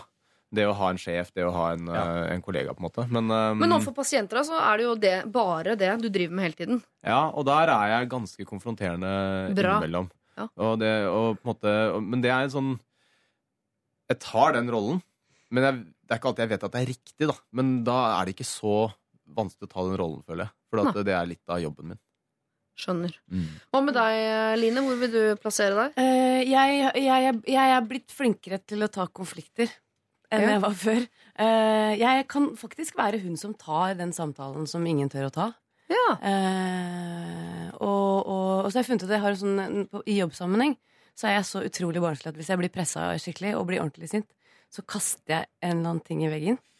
og, Det er digg, da. og lager en lyd. Ja, Er så du sånn jeg diva? Ja, vet du hva, det er det jeg er. sånn, Så Og du gjør det foran folk? Ja, ja, ja, jeg, jeg sprekker. Ja. Og så kommer jeg med en lyd. Jeg har ikke noe ordforråd når jeg blir sint. da Jeg var bare Æ! Og så Ja. kaster jeg en ting, og så går jeg. Eh, og så begynner folk å hviske, og så eh, kommer jeg tilbake, og så får jeg viljen min. Men venter du så lenge Du venter med å på en måte reagere litt for Du, du burde ha sagt fra før Ja, istedenfor å eksplodere. Ja, men altså. greit, Jeg tåler jo ganske mye, og så blir jeg sjelden sint. Eh, Ja, så men du burde sagt fra før. Jeg burde ha sagt fra for lenge siden. Men når jeg faktisk kommer i den, så Ja. det bare stokker det seg. Og jeg, det er jo ikke, jeg gjør det ikke bevisst. Det er bare, da jeg, da klarer jeg ikke mer, liksom. Da vil jeg påstå at du er ganske konfliktsky, for da har du jo unngått en konflikt helt til det rakner. Og når Ja. du kaster noe i veggen, så har du ikke tatt den konflikten. for jeg. nei, nei, jeg har vel Veldig ikke gøy det. at du selger inn at jeg er den som setter meg ned og tar prater. Så Ja, men jeg gjør det beskriver òg, du skjønner du. kaster Når det er ting. sånn, men det er sånn vennerelasjoner hvor jeg tar den derre 'nå må Ja. vi si fra fordi hun er helt ute å sykle', Ja. så kan jeg ta den. Eh, uten at det koster meg altfor mye, da. Så jeg vet vennerelasjoner en treer, men på jobben nesten en nier, vil Ja, jeg jeg påstå. kan jo Ja, jeg ja. Ja. Ja, ja, kanskje det. Ja. Ja. Midt mellom tre og ni, da. Det Ja, er, det er veldig fire. sprikkene, men ok. Fem. Ja, for, men det virker som sånn venninnegreie eller vennegreie er lettere, fordi den handler ikke direkte om deg. Nei. Så, det, Nei. så da ta den Jeg kan godt gå inn og si at vi Ja, på jo da. vegne Men hvis det handler om meg, så er jeg superkonfliktsky. For da tenker jeg nei, da, problemet er ikke stort nok til at jeg kan ta, gjøre det til en konflikt. Oh, du kryper opp mot sjueren her nå, vet, totalt sett, eh, Beklager, Line. beklager. Jeg tenkte jeg var blitt flinkere, men kanskje ikke. Setter en sjuer på deg, ja. ja. ja. Harald? Sett en sju på meg, og Du er sju i alle relasjoner. Nei, eh, det er ikke så lett, nei. Det er jo um, det er gøy når Jonas sier sånn Ja, der tar jeg konflikt, for jeg er trygg på de nærmeste. Ja, men er du konfliktsky, så kan du være så trygg du bare vil. Du har ikke, du har ikke lyst til at noen skal bli sinte på deg. Nei, det er Selv om du er veldig trygg. Ja. Så det er, den der barn, det er et lite barn Jeg synes Knausgård beskriver det veldig godt i Min kamp, hvor han føler han er som et barn da, i møte med andres sinne.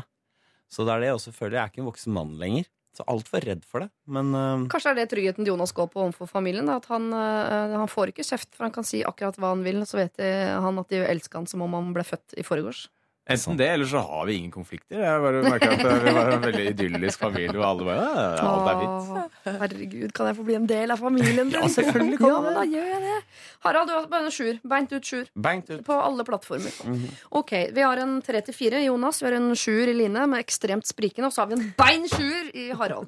Den gjengen her kan du få se faktisk også. Du har jo hørt på oss nå antageligvis en stund, og kanskje du vurderer å gjøre det en stund til, men du kan se oss på Instagram, enten du følger NRK P3, meg, Jonas, Line eller eh, Harald.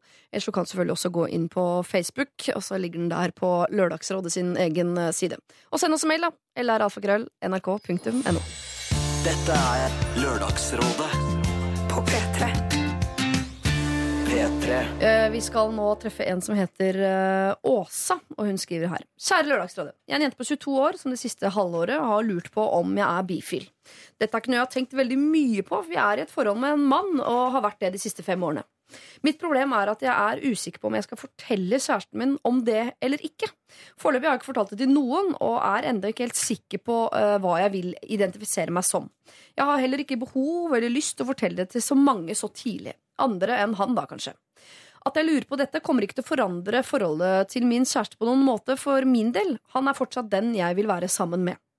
På den ene siden vil jeg fortelle det fordi eh, at han ikke vet eh, Fordi det at han ikke vet, har blitt til et hinder for at jeg eh, skal klare å finne ut av ting. Og fordi jeg eh, vil at den personen som står meg nærmest, skal få vite eh, en så potensielt fundamental ting om meg. Men samtidig lurer jeg på om det har noe for seg, da. Både fordi jeg ikke er sikker på det ennå, og fordi jeg jo ikke kommer til å ønske å forandre på forholdet mitt. Og selvfølgelig litt fordi jeg er redd for hvordan han skal ta det.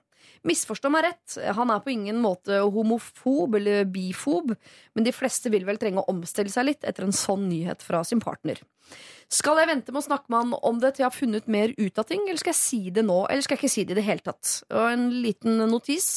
Jeg og kjæresten er nå i et avstandsforhold for tiden, og hvis jeg bestemmer meg for å si det, eh, vil jeg gjerne si det ansikt til ansikt. Han kom på besøk om et par uker, og jeg er usikker på om det er best å ta det da.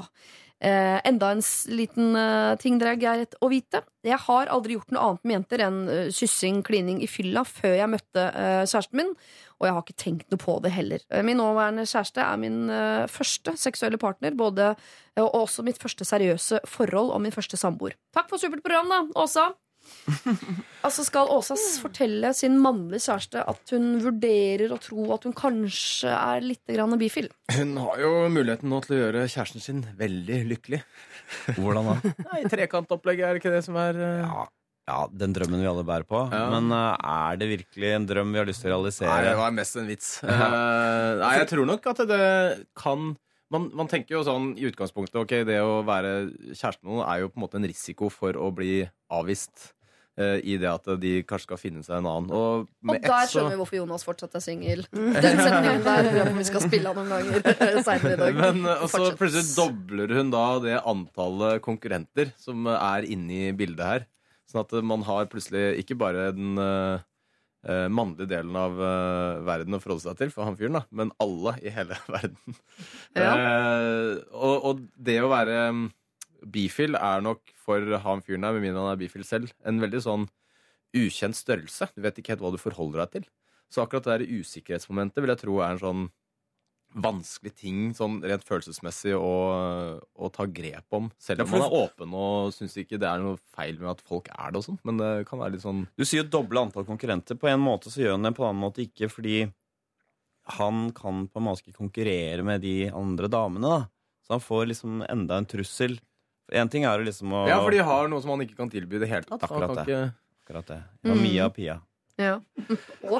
Men er det, ikke, er det ikke mye tryggere for han øh, Jeg er jo så romantisk at jeg tenker at i et forhold så bør man kunne snakke om alt.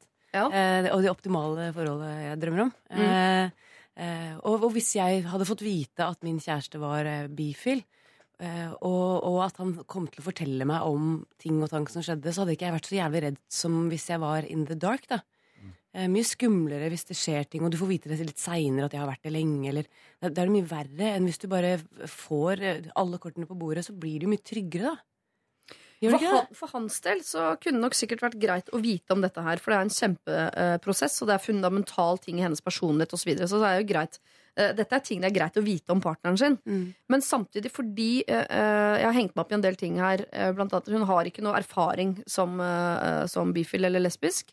Eh, og hvis hun, hvis hun mener at dette er en Og det er det jo en såpass fundamental ting hos henne, så er det ikke det å fortelle det til partner, så er du ikke i mål. Hun er jo overhodet ikke i mål. Da har jo hun startet på noe som jo er en kjempetrussel mot det forholdet. Hvis ikke Ja, en utforskerprosess. Og Hvor Ja, ja, gammel var hun? 22. 22. Ja, ja, det der, der er drittvanskelig, det. Det som kompliserer litt, er dette avstandsforholdet. For hadde de bodd tett sammen, så kunne man jo lett ha håndtert det sånn fra dag til dag. Men vite at hun er et helt annet sted, masse andre søte jenter der øh, som hun kan øh, Jeg tenker jeg, Eller jeg lurer på hva er denne bifiliteten består i? Er det, er det en seksuell ting, eller at hun forelsker seg helt inn i andre jenter? Hvis hun har en eller annen seksuell fantasi om det, så er det jo lettere å bære enn hvis hun hele tiden blir, går rundt og blir forelska Ja. i andre, da. Ja, men hun er jo ikke Hun er Det- forelska i kjæresten sin. ikke Jo, men jeg tror ikke hun vet det selv. da. Hun Nei. er jo veldig tidlig sånn øh, Ja, og forskningsprosjekt. Ja, og det som er skummelt der, er at det er jo noe man har lyst til å finne ut av. På et eller annet vis, Og da må man jo på et eller annet tidspunkt øh, forsøke det. Altså, og det å tillate seg å bli forelska i en, eh, en av samme kjønn, da. Og akkurat nå er- da sitter jo han på veldig dårlige kort, han eh, fyren. Ja, fordi det er, det er noen ting jeg synes er viktig at eh, Hvis Åsa eh, lurer på dette, så må hun finne ut av det. Men finner hun ut av det bare ved å snakke om det, eller er dette her noe Åsa som må finne ut av ved å, å eh, utforske dette mer? Jeg mener at Hvis det viser seg at hun er bifil, så er dette noe hun virkelig må finne ut av. Og da må hun også gå litt inn i det. Men da, da er han typen er jo litt Det greiene der er ferdig da. Ja, er... Ja, men Må hun gå inn i det, da? da? Alle har jo sånne Å, han har jo ikke jeg pult, kanskje jeg må gå inn i det? For det har jeg ikke testa, jeg må sjekke ut det òg. Det, det handler vel ikke om liksom Jo, men mitt- Kjønn, altså- det. Hvis du blir sammen med det ungdomskjæresten din, så føler du alltid at du må teste ut noe Men du, må hun det, da? Ja, men jeg, kan handler le, jeg kan leve resten av mitt liv sammen med lokføreren og, aldri, øh, og være øh, komfortabel med tanke på at jeg aldri får funnet ut hvordan det egentlig er å ligge med Christer Falk, f.eks. Det, Ja, det kan jeg leve kan med. Jeg kan leve med det. Ja. Eh, Men hvis jeg plutselig hadde merket sånn Jeg har litt lyst til å ligge med noen damer på jobben, eller noe, da- altså jeg blir forelsket i andre jenter, hva er det for noe? Det har, jeg har ikke Det har jo noe helt annet Altså Det er jo mer enn det. bare Og det å ha ligget med den eller den. Det er- handler om identitet å gjøre. Så du plutselig oppdager at du har en annen identitet enn det du har trodd, så er det veldig eh, Jeg tror ikke det er så sunt å ikke finne ut av det, da. Jeg tror man kan eh, få det litt vanskelig hvis man skal undertrykke en sånn del av seg selv. Men uansett så må hun jo fortelle han om det, tenker jeg. For oh, ja. det, det er jo ikke noe bedre at hun bare går bak ryggen og Ja, det finner ut av det. Ikke Hun må sant? jo Ja. Altså jeg tenker Det hun spør om, er veldig greit. Sånn, eh, for jeg mener sånn, Du må finne ut av det. Du må si det til kjæresten din. Mm. Men de tingene hun ikke spør om her, som egentlig er skumlere og mer problematisk, er jo hvordan kommer dette til å gå? Eh, Dette fem år lange forholdet kommer ikke til å gå så bra hvis ikke du er så heldig å være sammen med tidenes mest tolerante fyr. Sier sånn Nei, men herregud, finn ut av det. Få deg noen damekjærester og ligge Ja, litt rundt, og jeg er her, jeg. Ja, men vi, det, Hun sier at 'jeg har bestemt meg for å være sammen med han fyren'. Det er han Ja. jeg skal være sammen med. Ja, det sier hun nå. Det sier man jo. Ja, det er akkurat det. Eh, Det er 22. Hva betyr det, liksom? Er det, er det virkelig det hun mener? Hvis hun sier det til kjæresten sin 'Jeg vil sam være sammen med deg, og bare deg, men jeg må finne ut dette bifil-greiene'. Og så vil jeg spørre deg som kjæreste, hva, hva mener du 'finne ut'? Ja, ja, hvordan, Det går ikke, Skal du ha masse masse forhold til jenter, og så finne ut om det virkelig er noe for deg? Det er ikke så lett. Eller skal du gå til psykolog og finne det ut? Eller hva? Um, Det er akkurat det, men Skal hun finne det ut i hodet sitt ved å tenke mer, eller må hun finne det ut ved å prøve det ut? Og Hvis det er prøve det ut, så tror jeg ikke at han kjæresten kommer til å elske det prosjektet sånn hardt. går det an med virtual reality at du tester ut i en virtuell verden? I 3D, ja, med briller og sånn. Ja. Ja, helt Fins det 3D-porno? Jeg aner ikke. Med briller Hele tiden er det snakk om at det kommer, men når det kommer, da? Men jeg vil ha det i 4D. Jeg må ha noe lukt, for du må takle lukta òg. Jeg tror de har det i NASA også. Ja, ja, ja. NASA har det. NASA nekter å frigi teknologien. Jævlig ego, Det er det og det ufo-greiene. altså. Men det hun spør om, er vel egentlig skal jeg, Hun sier bare 'skal jeg fortelle'? Skal Ja, jeg hun spør bare om det. Det skal hun. Alle er enige om det, egentlig. Ja, klart det. Ja, noe om innerste grind skal man jo ha, hvor ingen andre slipper inn, da. Skal man Men det? finner du ut av noe da? Skal Inni man den grinda der? Line vil ikke det. Du Jeg har, masse, ikke det. du har for mye i har- din innerste Jeg har så mye innenfor den innerste grinda.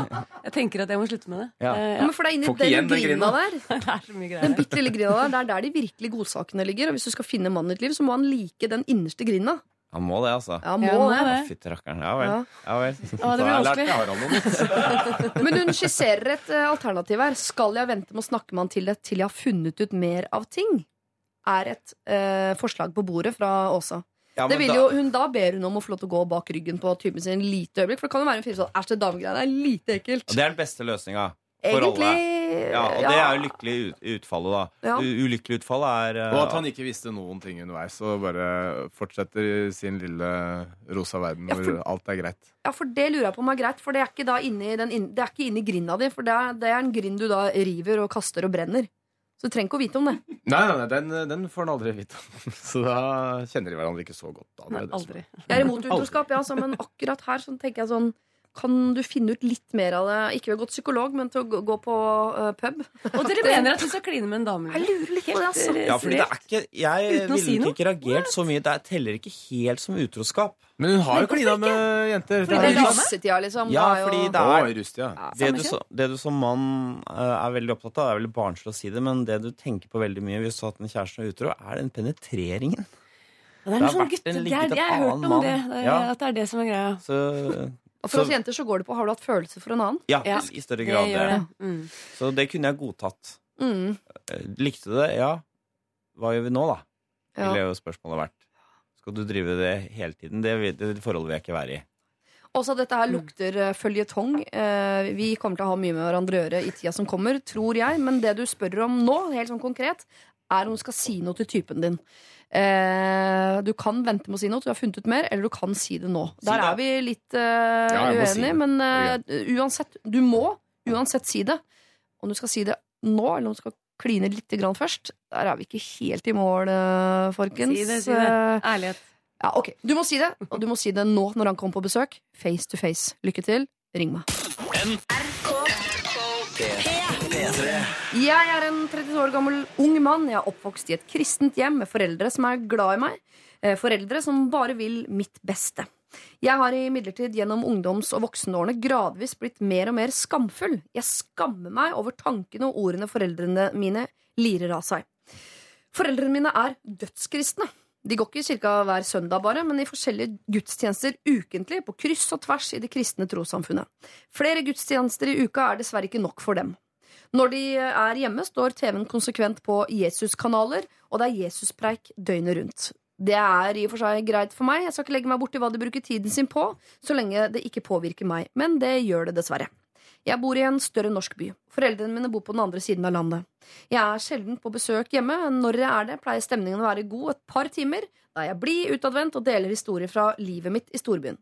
Dessverre tar det ikke så veldig lang tid før Jesus også kommer på besøk. Det er da stemningen snur. En periode prøvde jeg å svare på alt Jesus preiker med argumenter og diskusjoner, men etter hvert lærte jeg meg at å diskutere religion med religiøse er nyttesløst. Øreklokkene settes derfor på, og Netflix blir min aller beste venn resten av oppholdet. Jeg straffer Jesus preike med stillhet. En annen del av problemet er når tankene deres eh, når offentligheten. Ni av ti innlegg som deles av dem, eh, handler om islam-Palestina versus Israel, svartmaling av mennesker som flykter fra Syria, bibelvers, Frp-propaganda eller latterliggjøring av tidligere statsminister fra Arbeiderpartiet. Skammen fyller meg til randen når jeg tenker på hva gamle naboer og venner tenker om genmaterialet mitt. Foreldrene mine er besatt, og det skinner tydelig igjennom, blant annet da på Facebook. Så skal jeg fjerne dem som venner på Facebook? Det er kanskje nok å blok blokkere dem, men jeg har så jævlig lyst til å sende dem et tydelig signal. Hilsen Aslak. Helt konkret, skal Aslak fjerne foreldrene sine som venner på Facebook? Er det hele spørsmålet? Ja. For det er, det er ubetinget ja. Ja. Fjern dem? Ja, ja, ja. Altså, det der, der det går ikke, liksom. Men det er bare eh, Jeg fjerner jo folk veldig lett da, fra Facebook. Uh, hvis du liksom poster for dølle ting, eller hvis du kommer med et sitat sånn derre Tenk positivt, og positiv vil skje, og sånne ting. Ting vekk. Altså, det gidder jeg ikke. Det, det kjeder meg så intenst. Men da Eh, vil det skje positive ting hvis du tenker positivt. Det er den positive lov. Og, det, og Facebook er ikke så viktig. Altså, sånn, eh, man, man skal ikke bruke det som målestokk på hvor nært eller uh, fjernt et, uh, et forhold er. Så er, hvis du syns det er uh, kjedelig eller uakseptabelt i ditt liv, så må du bare ta det bort. Det er jo liksom Men la meg utfordre det veldig klokkeklare ja du kom med der. Eh, Fordi ved å fjerne foreldrene på Facebook, hva fjerner han da? Han fjerner jo ikke det at eh, gamle naboer og andre folk ser hva foreldrene hans skriver. Det han fjerner, er sin bevissthet rundt hva folk går og tenker om hans genmateriale. Det er ikke sikkert at det er så lurt. Ja, jeg, altså, han har jo helt rett i at Jeg har for øvrig blitt fjernet som Facebook-venn av datteren min. Syns det var helt kurant. Bare så det, det, er, det er, ja, Jeg vet hva jeg snakker om, for å si det sånn. Ja, det Men. Eh, en ting er å diskutere religion, det er helt umulig. Fins Gud og alt det der. Men det det går an å diskutere, er jo alle disse andre. Den derre uh, anti-islam-greiene, latterliggjøringen av eh, tidligere statsministre, alt det andre. Vi lever jo i et samfunn nå, det må jo alle innrømme. Vi har mange forskjellige eh, forestillinger og trossamfunn og sånn, så vi har jo etter hvert lært oss det å være sivilisert er å ta litt hensyn, ikke hele tiden bruke sitt eget uh, religiøse ståsted til å disse andre.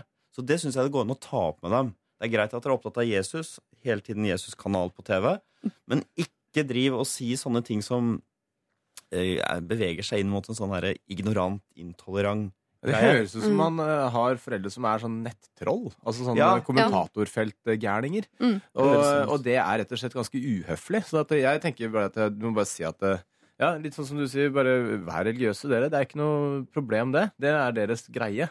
Og, men og liksom Altså, man må bare gi et sånt signal om at du, du hør her. Altså, dere blir ansett som sprø, liksom. Hvis dere fortsetter å, å liksom være en sånn derre Facebook-aktivister på en sånn negativ måte. Det er veldig mm, Men bare for å dypdykke i sjargongen her. eh, De er jo hellig overbevist om at det de tenker og mener, er eh, det eneste rette. Og det er jo selvfølgelig vil jo de som alle andre da bruke Facebook som en kanal for å eh, vise alle andre som lever i, synd og uvitenhet om, om den verden de har oppdaget som det eneste rette.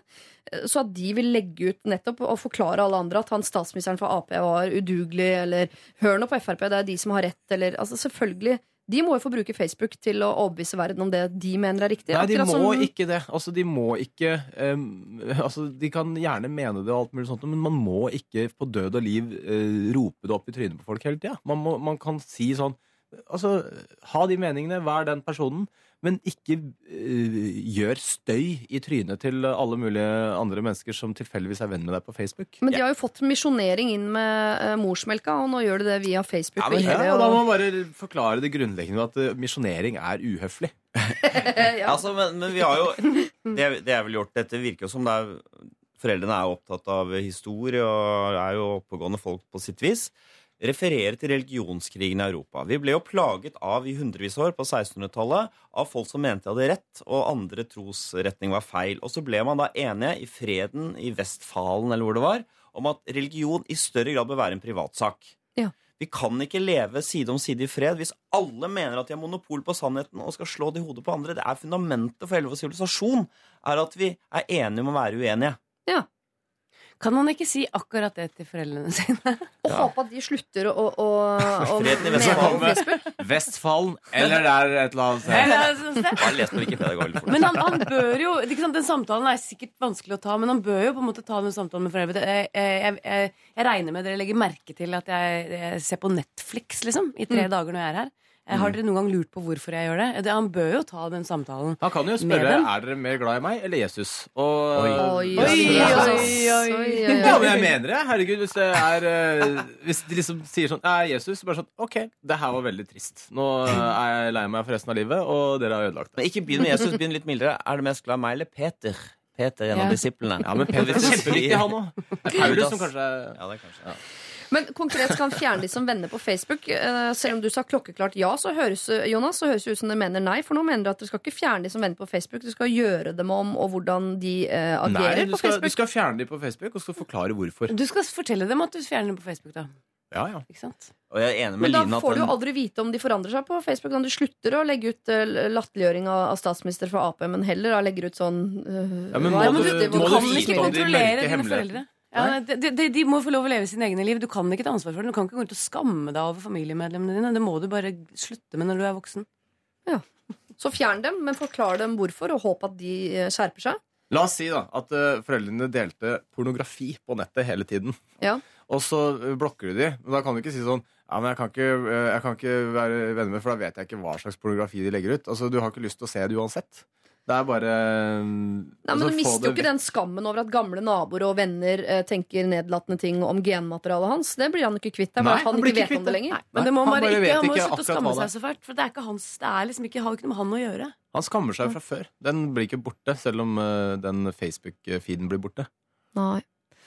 Åh, jeg hadde så lyst til å bli kvitt, eh, altså, bli, uh, bli kvitt den skammen. At vi skulle hjelpe Aslak Å, å bli nei, kvitt nei. skammen. Den er der. Den er der, ja. Den har flytta inn, akkurat som Jesus har flytta inn hos foreldrene dine. Så den må du bare ta med deg resten av livet. Ok, du spør skal jeg fjerne foreldre som venner på Facebook. Svaret på det er eh, ja. Jeg hadde jo fjernet de som venner generelt, men på hvert fall på Facebook, da. Uh, Så da er jo den saken grei.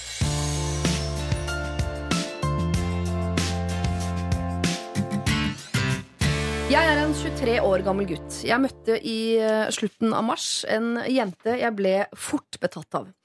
Hun var i et forhold, men det gikk tydeligvis ikke så bra. Det tok ikke lang tid før vi begynte å rote og tok steget videre ved å holde på med hverandre.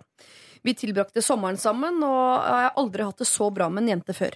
Men eh, greia er at jeg har eh, søkt på en skole i Trondheim for videre utdannelse, og jeg har kommet inn. Vi har pratet mye om hvor vanskelig det kan være med avstandsforhold, men sa til hverandre at dette her, det skal vi klare. Slik ble det altså ikke. Etter en måned dro jeg hjem for å feire bursdagen hennes, og det gikk til helvete, for å si det mildt. Det endte med at jeg dro tidlig, og hennes kveld endte med gråt. Jeg sa kanskje noe stygt før og etter jeg dro, men en liten overdrivelse var det vel også fra hennes side. Jeg sa unnskyld, og at vi kunne fortsette videre, men det er her problemet mitt begynner. Jeg har mistet alle følelser for henne. Hun er en fantastisk jente og sier eh, hun kan komme til meg annenhver helg, men det hjelper jo ikke for meg, da. Jeg har sagt hele tre ganger at jeg ikke har følelser for henne, og at jeg ikke ser noen fremtid for oss. Men hun forstår det rett og slett ikke. Hver gang jeg har sagt dette, ender det med gråting fra hennes side. Det står grining. Jeg leser grining, jeg. For det, bare, det sier noe om han. Eh, Det ender med grining fra hennes side og dårlig samvittighet fra min side. I tillegg sier hun at jeg rett og slett ikke får lov til å gjøre det slutt fordi vi ikke har prøvd nok. Jeg skjønner ikke hva jeg kan gjøre med henne. Følelser er jo ikke noe som bare plutselig kommer tilbake. Og jeg har i tillegg et dårlig rykte på, eh, på meg for å være en som behandler jenter dårlig. Noe som både er sant og er litt overdrevet. Dette blir tatt opp hver gang jeg prøver å gjøre det slutt med henne. Jenta er bare 20 år og har hele livet foran seg, så hva skal jeg gjøre med henne? Hvordan kan jeg få en endelig slutt på forholdet, eller burde jeg faktisk gi det en sjanse selv om jeg ikke føler noe? Burde i tillegg nevne at hun studerer i en by langt unna meg, Alexander. Skal Alex gi denne jenta han ikke har følelse for, en sjanse? Nei da, Nei, nei, nei. herre min hatt. Hun Nei. er jo Nei da, hun må jo få lov å gjøre det slutt med folk. Ja. Uten at de nekter deg det. Men hun skjønner det jo ikke. Han har gjort det slutt tre ganger. De er sammen ennå. Ja, men de bor jo på forskjellige steder. Jeg vil bare ikke ta telefonen, og er hun liksom Hun kan ikke Kanskje hun drar dit og sånn, men det er vel ikke så vanskelig å komme seg unna en 20 år gammel jente, er det det? Han kjøper raskt nok sykkel, det. Altså, Det er veldig ja. billige billetter når du er så ung. vet Sånn. Jo, men nå er, Han er en fyr som har rykte på seg for å behandle jenter dårlig. Da. Nå høres det ut som han har lyst til å ta et lite oppgjør med det og rett og slett liksom få dette her til å bli et ganske ryddig brudd, som man begge er enige om at, at sånn skal det være. Og hvis han har lyst til å være en som behandler jenter dårlig, så burde han jo la henne komme opp annenhver uke, ligge med henne, sende henne ned, fortsatt ikke ta kontakt med henne innimellom, gjøre drivende fullstendig til vanvidd. Så Ja. det mest humane er jo å gjøre det slutt på en ryddig måte og møte henne ansikt til ansikt og forklare det, da. Men han må jo ha gjort det. Høres ut som han har forklart det ganske nøye allerede. Tre Ja. ganger. Her han, eh, han virker litt uetterrettelig. Han driver hele tiden, så er det noe sant, men ikke helt sant. Altså, Har han virkelig satt seg ned, sett inn i øynene, planlagt hva han skal si? Det er slutt. Det er over. Du må gå videre. Jeg elsker deg ikke. Jeg, jeg vet ikke mer enn det som står i, mailen, eh, men i mitt hode er det en scene som spilles om og om igjen. Og det er at han sier dette. Jeg har ikke følelser for det lenger. Hun gråter, gråter, gråter. Han takler ikke det helt. Hun sier at du får ikke lov til å gjøre det slutt. Vi har ikke jobba nok med det. Her er det noe som kan reddes. Eh, og så klarer han ikke å stå i det, for da føler han å nei, nå blir han slem igjen som behandler jenter dårlig. Så han sier sånn OK, da. Og så, og så Ja. går han derfra, så er det, ligger det fortsatt litt åpent. Jeg har en sånn eh, kjapp løsning som jeg har benyttet meg av et par anledninger. Eh, og jeg har løyet, men jeg har sagt det er en annen. Jeg møtte en annen. Eh, og det har ikke vært sant, men jeg bare, for da blir de så forbanna. og de hater deg så hardt.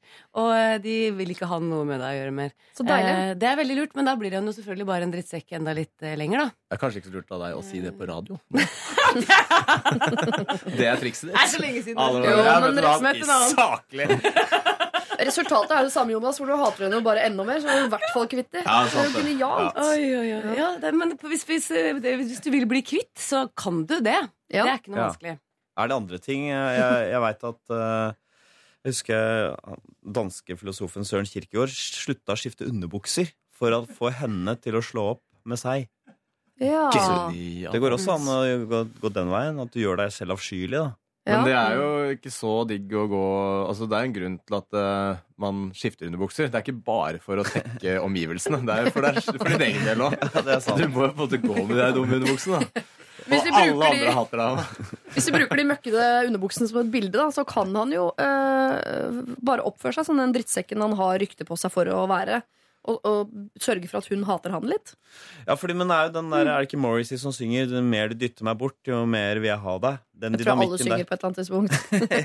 ja. Så det er jo litt skummel strategi også, men eh, akkurat det med lukt føler jeg den er tung. Den er tung, ja. Han må bare ha glad. en sånn eh, skikkelig døv underbukse liggende klar til hver gang Ja. hun er i nærheten. Så bare ta Ja. på seg den. Og så Typisk kan han være helt perfekt for alle andre omgivelser. Åh. Må det være møkkete, kan han ikke heller ta på seg kvinneundertøy, eksempel? For jeg tipper også at hun syns det er sært nok Ja, at hun det er tenker sånn, sorry, jeg er for ung for de greiene der.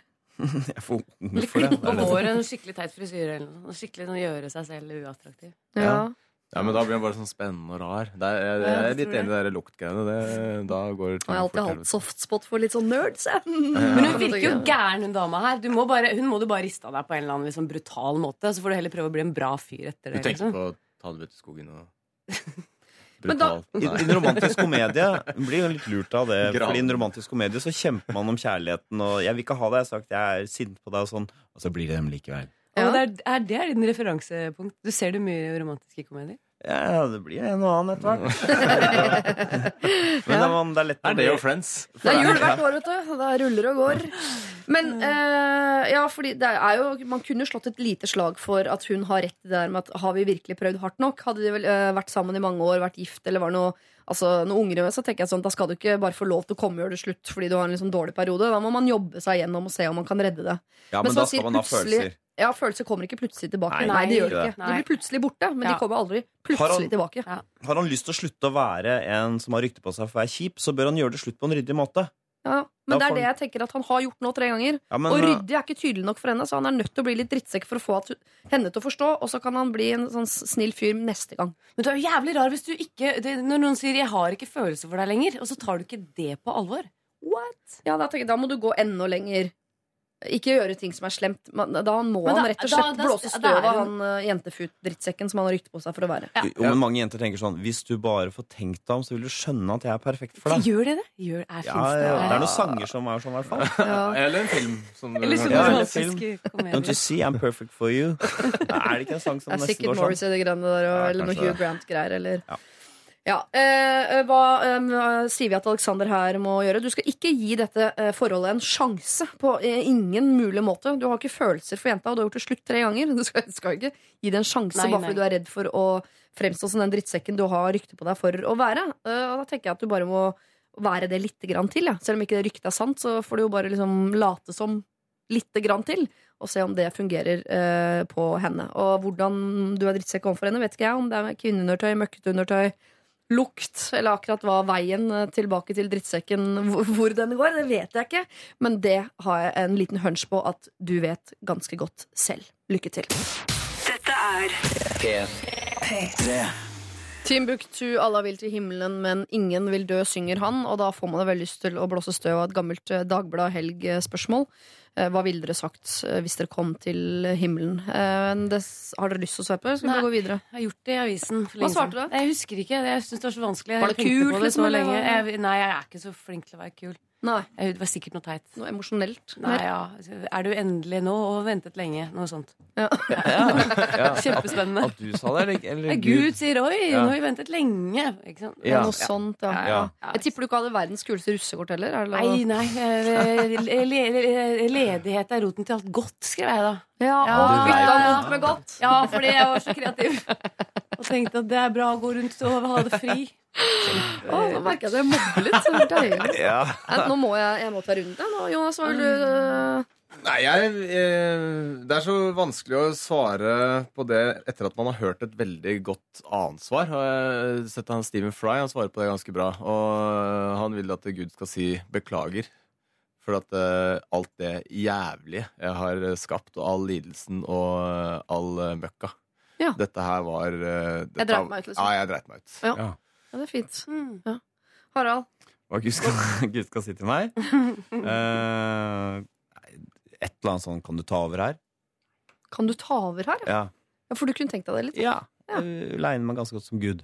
Ja, Da stiller jeg deg et oppfølgingsspørsmål som også stilles veldig veldig ofte. Uh, hva ville du gjort da hvis du fikk en dag som Gud? Eh, jeg ville Hvor har du begynt å rydde? liksom? Jeg har gjort det samme som eh, Line oppfører på rustkortet sitt. Ledighet. Slappet av, ikke gjort noen ting. Så hadde du skaffa flere arbeidsplasser? Rett og slett. Ja, ja. ja, det er fint. Eh, Vi skal ta et problem til eh, i dag, folkens. Det skal dere få rett etter at vi har hørt Calvin Harris sammen med Ina Wroldsen og Disciples. Dette her er How Deep Is Your Love. P3 Dette er Lørdagsrådet på P3. How Is Your Love synger Ina Wroldsen. Og det er et spørsmål man kunne ha stilt til mange av de som har vært så greie å eh, sende sine problemer inn til oss i dag. Vi skal ta et problem til, folkens, før kopper skal deles ut. Eller kopp, da, for å være saklig. Hei, dere. Jeg har kommet inn i en toppgjeng på jobben jeg har ved siden av studiene. Vi er en gjeng på rundt 30 år som finner på mange hyggelige ting, også etter arbeidstid. Men selvfølgelig er det én som ikke fungerer like godt sammen med de andre. Jeg skjønte raskt at jeg og denne frøken Fryd ikke kommer til å bli bestevenner, men tonen har vært hyggelig nok. Det er tydelig at vi har ganske forskjellig oppfattelse av hvilke faktorer som må være til stede for å ha det gøy, og vi er rett og slett bare ikke en god match. I løpet av gangene vi har vært ute, har jeg reagert på små episoder der hun, etter min og andres eh, mening, går over streken hva gjelder normal folkeskikk. I tillegg virker det alltid som om hun kjeder seg litt, ikke er helt fornøyd med de gangene eh, hun har vært eh, invitert med ut på byen osv. Det hele toppet seg i sommer. Da inviterte jeg med en gjeng på uh, båttur. Det hele endte med at hun sendte meg en e-post og beskyldte meg for å ha spekulert i at hun var opptatt den helgen. Jeg svarte at det er helt sinnssykt at du kan beskylde meg for noe sånt. Etter hendelsen tenker jeg at hun måtte jo forstå at jeg ikke syns øh, hun er min favorittpartner på jobb, men hun har latt som om ingenting har skjedd. Nå planlegger jeg å invitere kollegaer på en hyttetur om noen uker. I utgangspunktet har jeg ikke tenkt å invitere frøken Fryd, med bakgrunn i at vi ikke har felles interesser, og at det er naturlig at jeg tar avstand fra henne med tanke på tidligere oppførsel. Men så kommer den dårlige samvittigheten, og jeg tenker at man må da klare å være voksen nok og inkludere alle. Eller hun har jo ikke invitert meg på noen ting. Jeg er åpenbart eh, nærmere de andre på jobben, og det er flere som opplever at hun setter en demper på stemninga. Så skal jeg invitere alle, inkludert frøken Fryd, for å ikke ekskludere noen, men dermed risikere en kjipere hyttetur? Eller skal jeg stå for meningene mine, vise til hendelsen, si at det var langt over strekken, og at jeg har valgt å ikke invitere med, eh, At jeg har valgt å bare invitere med de jeg føler meg nærmest? Jeg er en treer, og frøken Fryd er en toer på konfliktskyhetsskalaen. Altså vi er lite konfliktsky. Hilsen Hilde. Syns du, Line, at Hilde skal invitere med seg alle på denne hytteturen? Jeg er tilhenger av å dumpe dårlige venner. Eh, eller ignorere. Jeg er ganske flink til å ignorere de som irriterer meg. Ja. Eh, hvis man er en gjeng, så, så gir jeg dem ikke noe oppmerksomhet i de jeg ikke liker. Men ikke engang, eh, da blir de ikke invitert heller, selv om resten av gjengen blir invitert? Eh, det, det er sånn jente, Jeg hater det jentegreiene. At, å, Gud, hun inviterte jo ikke jeg og alt det surret. Jeg vet ikke om dere holder på med det, dere gutta. Eh, og er så fintfølende på det. Eh, men hun ødelegger jo hun ødelegger hytteturen. Du kan Ja. ikke ha henne med seg. Du må jo, men, men det redelige er jo selvfølgelig å fortelle henne ordentlig om det, sånn som hun foreslår selv. Det virker som hun har ganske gode argumenter i gjerdet da, hvis det blir en konflikt. Altså Hvis hun, hun frøken Fryd har invitert på ting og ikke invitert Nei, hun har, aldri, hun har jo aldri invitert på noe. Så det er sånn, eh, det er Hun har aldri sånn- invitert på noe? Nei, det er et litt fattig argument. Nei, okay, Hun har jo ikke ja. invitert meg på noe. Nei, men hun har ikke invitert noen andre. Eller, Ja, okay, Men du har fortsatt et godt argument i den der båtturgreia. At, eh, at det liksom Det er en rar mail å sende.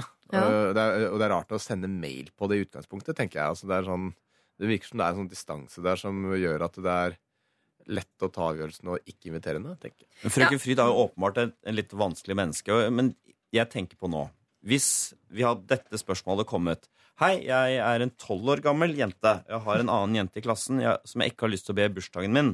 For hun er så vanskelig. Jeg har ikke kjemi med henne, og hun er dum. Eh, Hva hadde vi sagt da? Mest Slutt å mobbe. Ja. mest sannsynlig mobbe. invitere Mm. henne med. Mm. Ikke sant? Og jeg tenker at hun, frøken Fryd her, hun var hun jenta da også, jeg. Hun er litt vanskelig.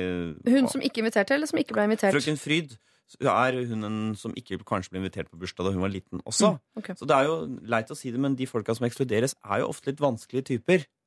Eh, At det er en grunn til at det blir mobba? ja, du lite grann er det det. Det er den mørke sannheten om mobbing. Det er ikke alltid sånn i det hele tatt, men noen ganger er det litt sånn. Og derfor Skal vi legge til at Men det betyr ikke at de fortjener det? Bare bare Nei, altså, der? eller? her, hvis, jeg tenker hvis uh, Hilde inviterer alle på jobben, Mm. unntatt uh, frøken Fryd, nei, det går ikke an. Ja, men Er det alle på jobben, eller er det én liten gjeng på jobben? på En liten gjeng på jobben Ja. som, hvor en del ikke er med, og sånn, så da går det på en måte. Men jeg syns man skal være litt varsom her, eh, fordi det er jævla tøft å bli ekskludert, da. Ja. Men går det an å, å på en måte eh, Liksom spørre henne eh, veldig direkte, da. Sånn hva, om, hun, om hun liker å være sammen med hun Hilde. Ja. Om hun, liksom sånn, hva, hva syns du? Altså, hvorfor um, Ja, du sånn Det virker vi som om du syns det er vanskelig. Og så, Ja. og er greit liksom bare legge kort av bordet. Sånn, vi er litt forskjellige og sånne ting. Det, øh, uten å være konfronterende. Da, bare sånn Være nysgjerrig på situasjonen. Og så høre hva hun sier. For at det bare går ut og tolke hele tida blir jo litt vanskelig. Da. Ja, for dette er alltid vanskelig, tenker jeg. Om det er, sett hva slags gjeng, så er det ganske vanlig at man er en hel vennegjeng, og innad i den vennegjengen så er det noen som ikke går like godt overens, men fordi man er en gjeng, så er man en gjeng. Så hvis det hadde vært eh, Frank i den gjengen som skulle invitere på hyttetur, så hadde jo både frøken Fryd og Hilde vært der. Men når det er eh, plutselig Hilde som inviterer til Hilde hytte, så blir det vanskelig for henne å invitere frøken Fryd. Men jeg tenker, enten er dere en gjeng, eller så er dere ikke det. Og da kan ikke sånne småkonflikter innad i den gjengen uh, eh, sette en stopper for det. For jeg, du, Man hører at frøken Fryd etter den båtturen Hun er jo sår på at hun føler at hun ikke er invitert. Ennå der stemmer jo ikke det. Ja, vi, vet, vi vet det, at Ja, eh, ja, frøken men- Fryd kunne vi. Det var ikke derfor Hilde lagde båttur den dagen, fordi frøken Fryd ikke kunne. Nei, det, Der må Det- vi jo bare stole på Hilde, Ja, for det sier ja. i hvert fall det, sånn var det ikke. Men allerede der var jo frøken Fryd lei seg. Ja. Så hvis det, hun gjør det nå med ordentlig sånn viten og vilje at alle er invitert, bortsett fra deg, Ja, hun så blir mail hun og bare sånn Er det lei fordi seg. at det ble sånn, sånn eh, Ja. ja nei, det er jo veldig hardt, da. Ja. Hun kan jo gjøre det hun har blitt beskyldt for tidligere. da. Legge det til en helg hvor frøken Fryd ikke kan. Men ditt poeng eh, nå, Siri, er er det en gjeng eller ikke? Det er liksom kontrollspørsmålet ditt. Ja. Er det en gjeng, så må frøken Fryd få være med. Er det ikke en gjeng, litt sånn løsere i fisken, vel, så er det greit. Men står det noe om hva de andre mener om frøken Fryd? Er hun en sånn problem for alle? Eller er Ja, det kommer eh, noen små hint om at andre også mener at hun går over streken av og til. Og så Mangler videre. folkeskikk. Mm. Men det virker jo litt som Hilde er den som reagerer sterkest Ja. på frøken Fryd. De andre er sånn ja ja, frøken Fryd er frøken Fryd, vet du. Hun gjør så mye rart. Kontrollspørsmål kan være Ville alle de andre i denne gjengen ha invitert med frøken Fryd på sine hytteturer. I så fall skal du også gjøre det hvis du er en del av gjengen. Ja. Hvis ikke så stiller hun seg Går det an å sende en mail til resten av gjengen, men ikke ha frøken Fryd i Det kopifeltet? Og er spørre- ikke noe god Hva syns dere? Jeg har ikke så lyst til å be henne. Hva tenker dere? Nei, eh, be henne for fankeren. Ja, ikke send mail. Altså, Hvis du finner ut av en mail, så har du plutselig bevis på at du har gått bak ryggen. Frøken Fryd jobber i IT-avdelingen og kan hacke seg inn på alle kontoene. Ja. Men hva slags person er det som liksom, hvis man, blir, hvis man har mistanke Har dere opplevd det, mistanke å bli ekskludert fra noe som helst i deres liv? Eh, da ville jeg ikke ha liksom gått rett i tottene på vedkommende og sagt Fy søren, du ekskluderte meg fra den eh». Jeg ville kanskje ha jobbet meg inn på en annen måte, liksom. Hun er jo en Frøken Fryd er jo ikke en frøken Fryd, for å si det sånn. Men hun, det er hun jo for noen, tenker jeg. Og hun har havnet i samme gjeng for deg. Det er kjipt for deg, Hilde, at du har havnet i samme gjeng med en du ikke liker. Men sånn tror jeg det er i alle gjenger. Mm. Alle er jo, har jo én i gjengen de ikke liker så godt som de andre. Hun er en del av gjengen. Hun skal være med. Ja, jeg er litt, eh, jeg heller litt mot det. Åh, Jeg har lyst til å være et så godt menneske og si ja, det er jeg helt enig i. Men jeg er litt usikker. Men jeg, jeg kan være med på Jonas sitt forslag om at uh, Hilde kan si til frøken Fryd uh, Du får være med på hytteturen, men vi har jo ikke så god kjemi, så jeg er nysgjerrig på om du, hvorfor du har lyst til å være på min hytte. Ja, så går det an å være at hun, frøken Fryd er den første hun forteller om den hytteturen. Altså gå dit og bare sånn Du, eh, vi hadde jo den lille rare konflikten med båtturen for litt siden, og den mailen var eh, Det var kjipt. Altså, Mm. du er enig i det? Det var kjipt. Og nå tenkte jeg hyttetur og, og sånne ting var liksom Men har vi en konflikt? Spør om det. Ja. Det er vanskelig da, å stille det spørsmålet. Jeg tenkte på nå, at liksom sånn, Hadde jeg gjort det samme? Jeg veit ikke helt. Men, eh, men jeg mener at det skal ikke være farlig. Og- Heldigvis er jo Hilde ikke konfliktsky. Nei, jeg er er treer og toer begge. Ja, stemmer det. Begge to er Ja, ja, ja. jo Så vi må legge oss der. Mm. Så der, her, her går jo alt an. Ja, Ja, bare Gå bort sammen, til mora og faren til frøken Fri, for den saks skyld. Og... Videokonferanse! Altså, har noen Ja, men, men da liksom ikke være konfronterende, men ja, spørre, da. Være nysgjerrig. Ja. Tror jeg- Nysgjerrig. Du er så nysgjerrig. Jeg lurer så fælt på altså, Ja, men det handler jo litt om det. Altså, man, må jo, man må jo være litt nysgjerrig på den situasjonen. Hva, Ja. hva er det som er problemet? Ja, ja, det må man jo faktisk. Ja. Og det kan jo hende at det vil løsne veldig opp, noe jeg tviler på. Men en drømmeverden. Hilde, det du eh, skal eh, gjøre her, er eh, at du som del av en gjeng, så må du nok dessverre invitere hele gjengen. Så du må invitere Hilde. Men fordi både du Nei, du må, Hilde, du må invitere frøken Fryd. Men fordi du sier at du er en treer, og frøken Fryd er en toer, så kan du ta det opp i forkant og si jeg, jeg, kommer til å invitere deg på hyttetur nå, men vi er vel klar over begge to at vi ikke liker hverandre så godt. Så jeg forstår hvis du ikke har lyst til å være med. At det er lov å starte en dialog på det der. Altså, kanskje frøken Fryd ikke får lyst til å være med på hytta di, da. Så har du jo på en måte gjort alt riktig og allikevel fått det som du vil. Er det ikke det livet handler om? da? Jo, for husk, Hilde, kanskje du, for noen er du en frøken Fryd. Helt sikkert. Du er helt sikkert en frøken Fryd i noens øyne. Det skal du være klar over. Dette er P3. Dette er P3. Churches var dette her. Låta heter Clearest Blue, og det som gjenstår for dagens rådgivere å uh, få til, er å dele ut en kopp til uh, den eller de de mener fortjener det mest i dag. Jeg skal gå gjennom fra toppen. Vi fikk en eh, mail fra den onde stemoren som eh, lurte på hvordan hun kunne lære seg å like eh, sønnen til kjæresten sin. Eh, Vi ble sendt med Marianne, som eh, endelig hadde mast seg til å bli fridd til, og nå lurte på om hun kunne kreve en forlovelsesring, noe hun ikke fikk i dette frieriet. Eh, Ja, var vel egentlig kortsvaret på det. Vi ble sendt med Ross, som ønsker at Chandler og Joey skal bli venner igjen. Og så har vi Wenche og Halvor, som er uenige om de skal få sine egne biologiske barn, eller om de skal adoptere barn. Så har vi Åsa, da, som lurer på om hun skal fortelle kjæresten sin at hun lurer på om hun kanskje kan være litt grann bifil. Aslak er eh, fortvilt og skammer seg over foreldrene sine fordi de er så himla kristne. Alexander er en jentefut, men han ønsker å oppføre seg bedre. Nå driver han og prøver å slå opp, får det ikke til, og vi tror vel kanskje at han må gå tilbake til sitt gamle rykte som eh, drittsekk i denne oppsigelsesprosessen for å få det til. Eh, så har vi da eh, helt til slutt her eh, Hilde, som skal invitere den kule gjengen på jobb på hyttetur. Må hun invitere frøken Fryd. Hvem fortjener kopp? Harald, Line, Jonas? Jeg, jeg tenkte han, han som skal slette foreldra sine fra Facebook. Ja. Så Han, han mister foreldrene sine, men han får en kopp som kan være symbolet på det de en gang var. Ja. Jeg tenker Han har det mest uløselige problemet. på en måte Eh, De med adopsjon, ikke barn, de, de får jo på en måte et eller annet barn. Ikke Så De har jo noe, Men han mister jo det er jo ikke noe, Han kan jo ikke forandre foreldrene sine. Jeg, legger også en copy kopp på han. eller Men hans jobb er ganske lett. da Han skal trykke på en knapp eller ikke. Som er uh, ja, men hans jobb er jo mye ikke- større enn det. Han skal jo ikke bare unfriende foreldrene sine, han skal jo snakke med dem òg. Var ikke det vi sa? Kan jeg spørre om Hva er kriteriene for å få en kopp? Er det at vi har vært løst på dem veldig bra, eller at de trenger en veldig kopp i livet sitt? Kriteriene for å få en kopp er Ingen! Mine favorittkriterier. Da går jeg for giftermål, for jeg likte så godt det med, med den ringen og koppen. Og, ja, jeg likte den, den problemstillingen. Det at hun på en måte ikke selv så hva som var problemet hennes. At hun trodde det handlet om en ring, når det handler om å få vite at han elsker henne. Syns jeg var så vakkert. Ja. Så skjønnheten i hennes problem, i Mariannes problem, gjør at jeg velger ringen koppen. Og så er det fint hvis hun nå Du var kjempeflink til å formulere deg fram til akkurat det siste. Koppen ringen. Jeg syns det er bra. Og hvis Marianne ikke forstår at hun har fått gode råd her, og det er det det handler om, så får hun noe materielt eh, Ja, også Fest den koppen på fingeren, da, hvis det er det du trenger. Det skal være mulig. Det, det, nei, Det er en sånn hank på sida der. er ikke hank. hank, Hank er ikke her. Nei da, men Nei. Amputer På så mange fingeren og putt den inn i og putt den og Putt hele neven inn i storhølet, da vel, som man sier. Ok. Ja. Quote slutt. Takk for det. Men jeg skal ikke krangle på Aslak. Altså, han er fin, men de foreldrene han trenger jo en kopp. Ja. Eh, Så han kaste alle de der Jesuskoppene som han har fått av moren og faren, og drikke kaffe, så trenger han en P3-kopp. Ja. Mm. Ja, er du på lag med Line og, og Jonas her? Nei, men jeg skal ikke være kranglefant. Jeg skal ikke være frøken Fryd. Nei. Ingen vil være frøken Fryd, men alle er Du sier det sammen så elegant. Ja. Eh, Får liksom oppsummert òg, da. Ikke sant? Det er fint. Eh, det er jo ikke, jeg skal ikke krangle på det heller. Hvis dere mener at han som nå uh, må uh, unfriende sine foreldre på Facebook, uh, skal få en kopp, så får han det. Men da ligger det et lite, uh, lite sånn vedheng ved den koppen. At han skal ikke bare unfriende, han må også forklare foreldrene sine hvorfor han har gjort det. absolutt. Og håpe at han kan Ja, oppdra dem bitte litt rann sånn på Mm. tampen av livet. Da. Mm. Ja. Men da får du koppen. da får du koppen, ja. Da får du koppen.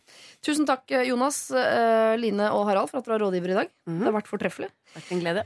Neste lørdag kommer det tre nye rådgivere. Hvem det er Nei, det gjør det ikke! Unnskyld, unnskyld. unnskyld. Eh, neste lørdag er det jo selvfølgelig ikke lørdagsråd. Og det eneste gyldige fraværet vi har, som er et godt gyldig fravær, er at P3 eh, skal redde regnskogen neste helg. Det er P3-aksjonen som en del av TV-aksjonen, så da eh, får du høre på det. Det blir knakende gøy. Det er det hvert eneste år.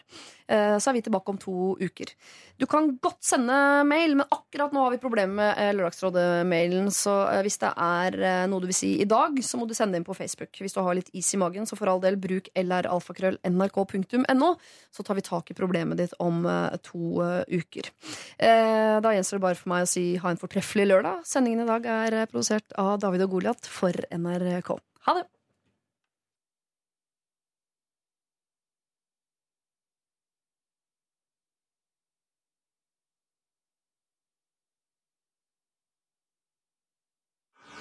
Lørdagsrådet på P3. P3.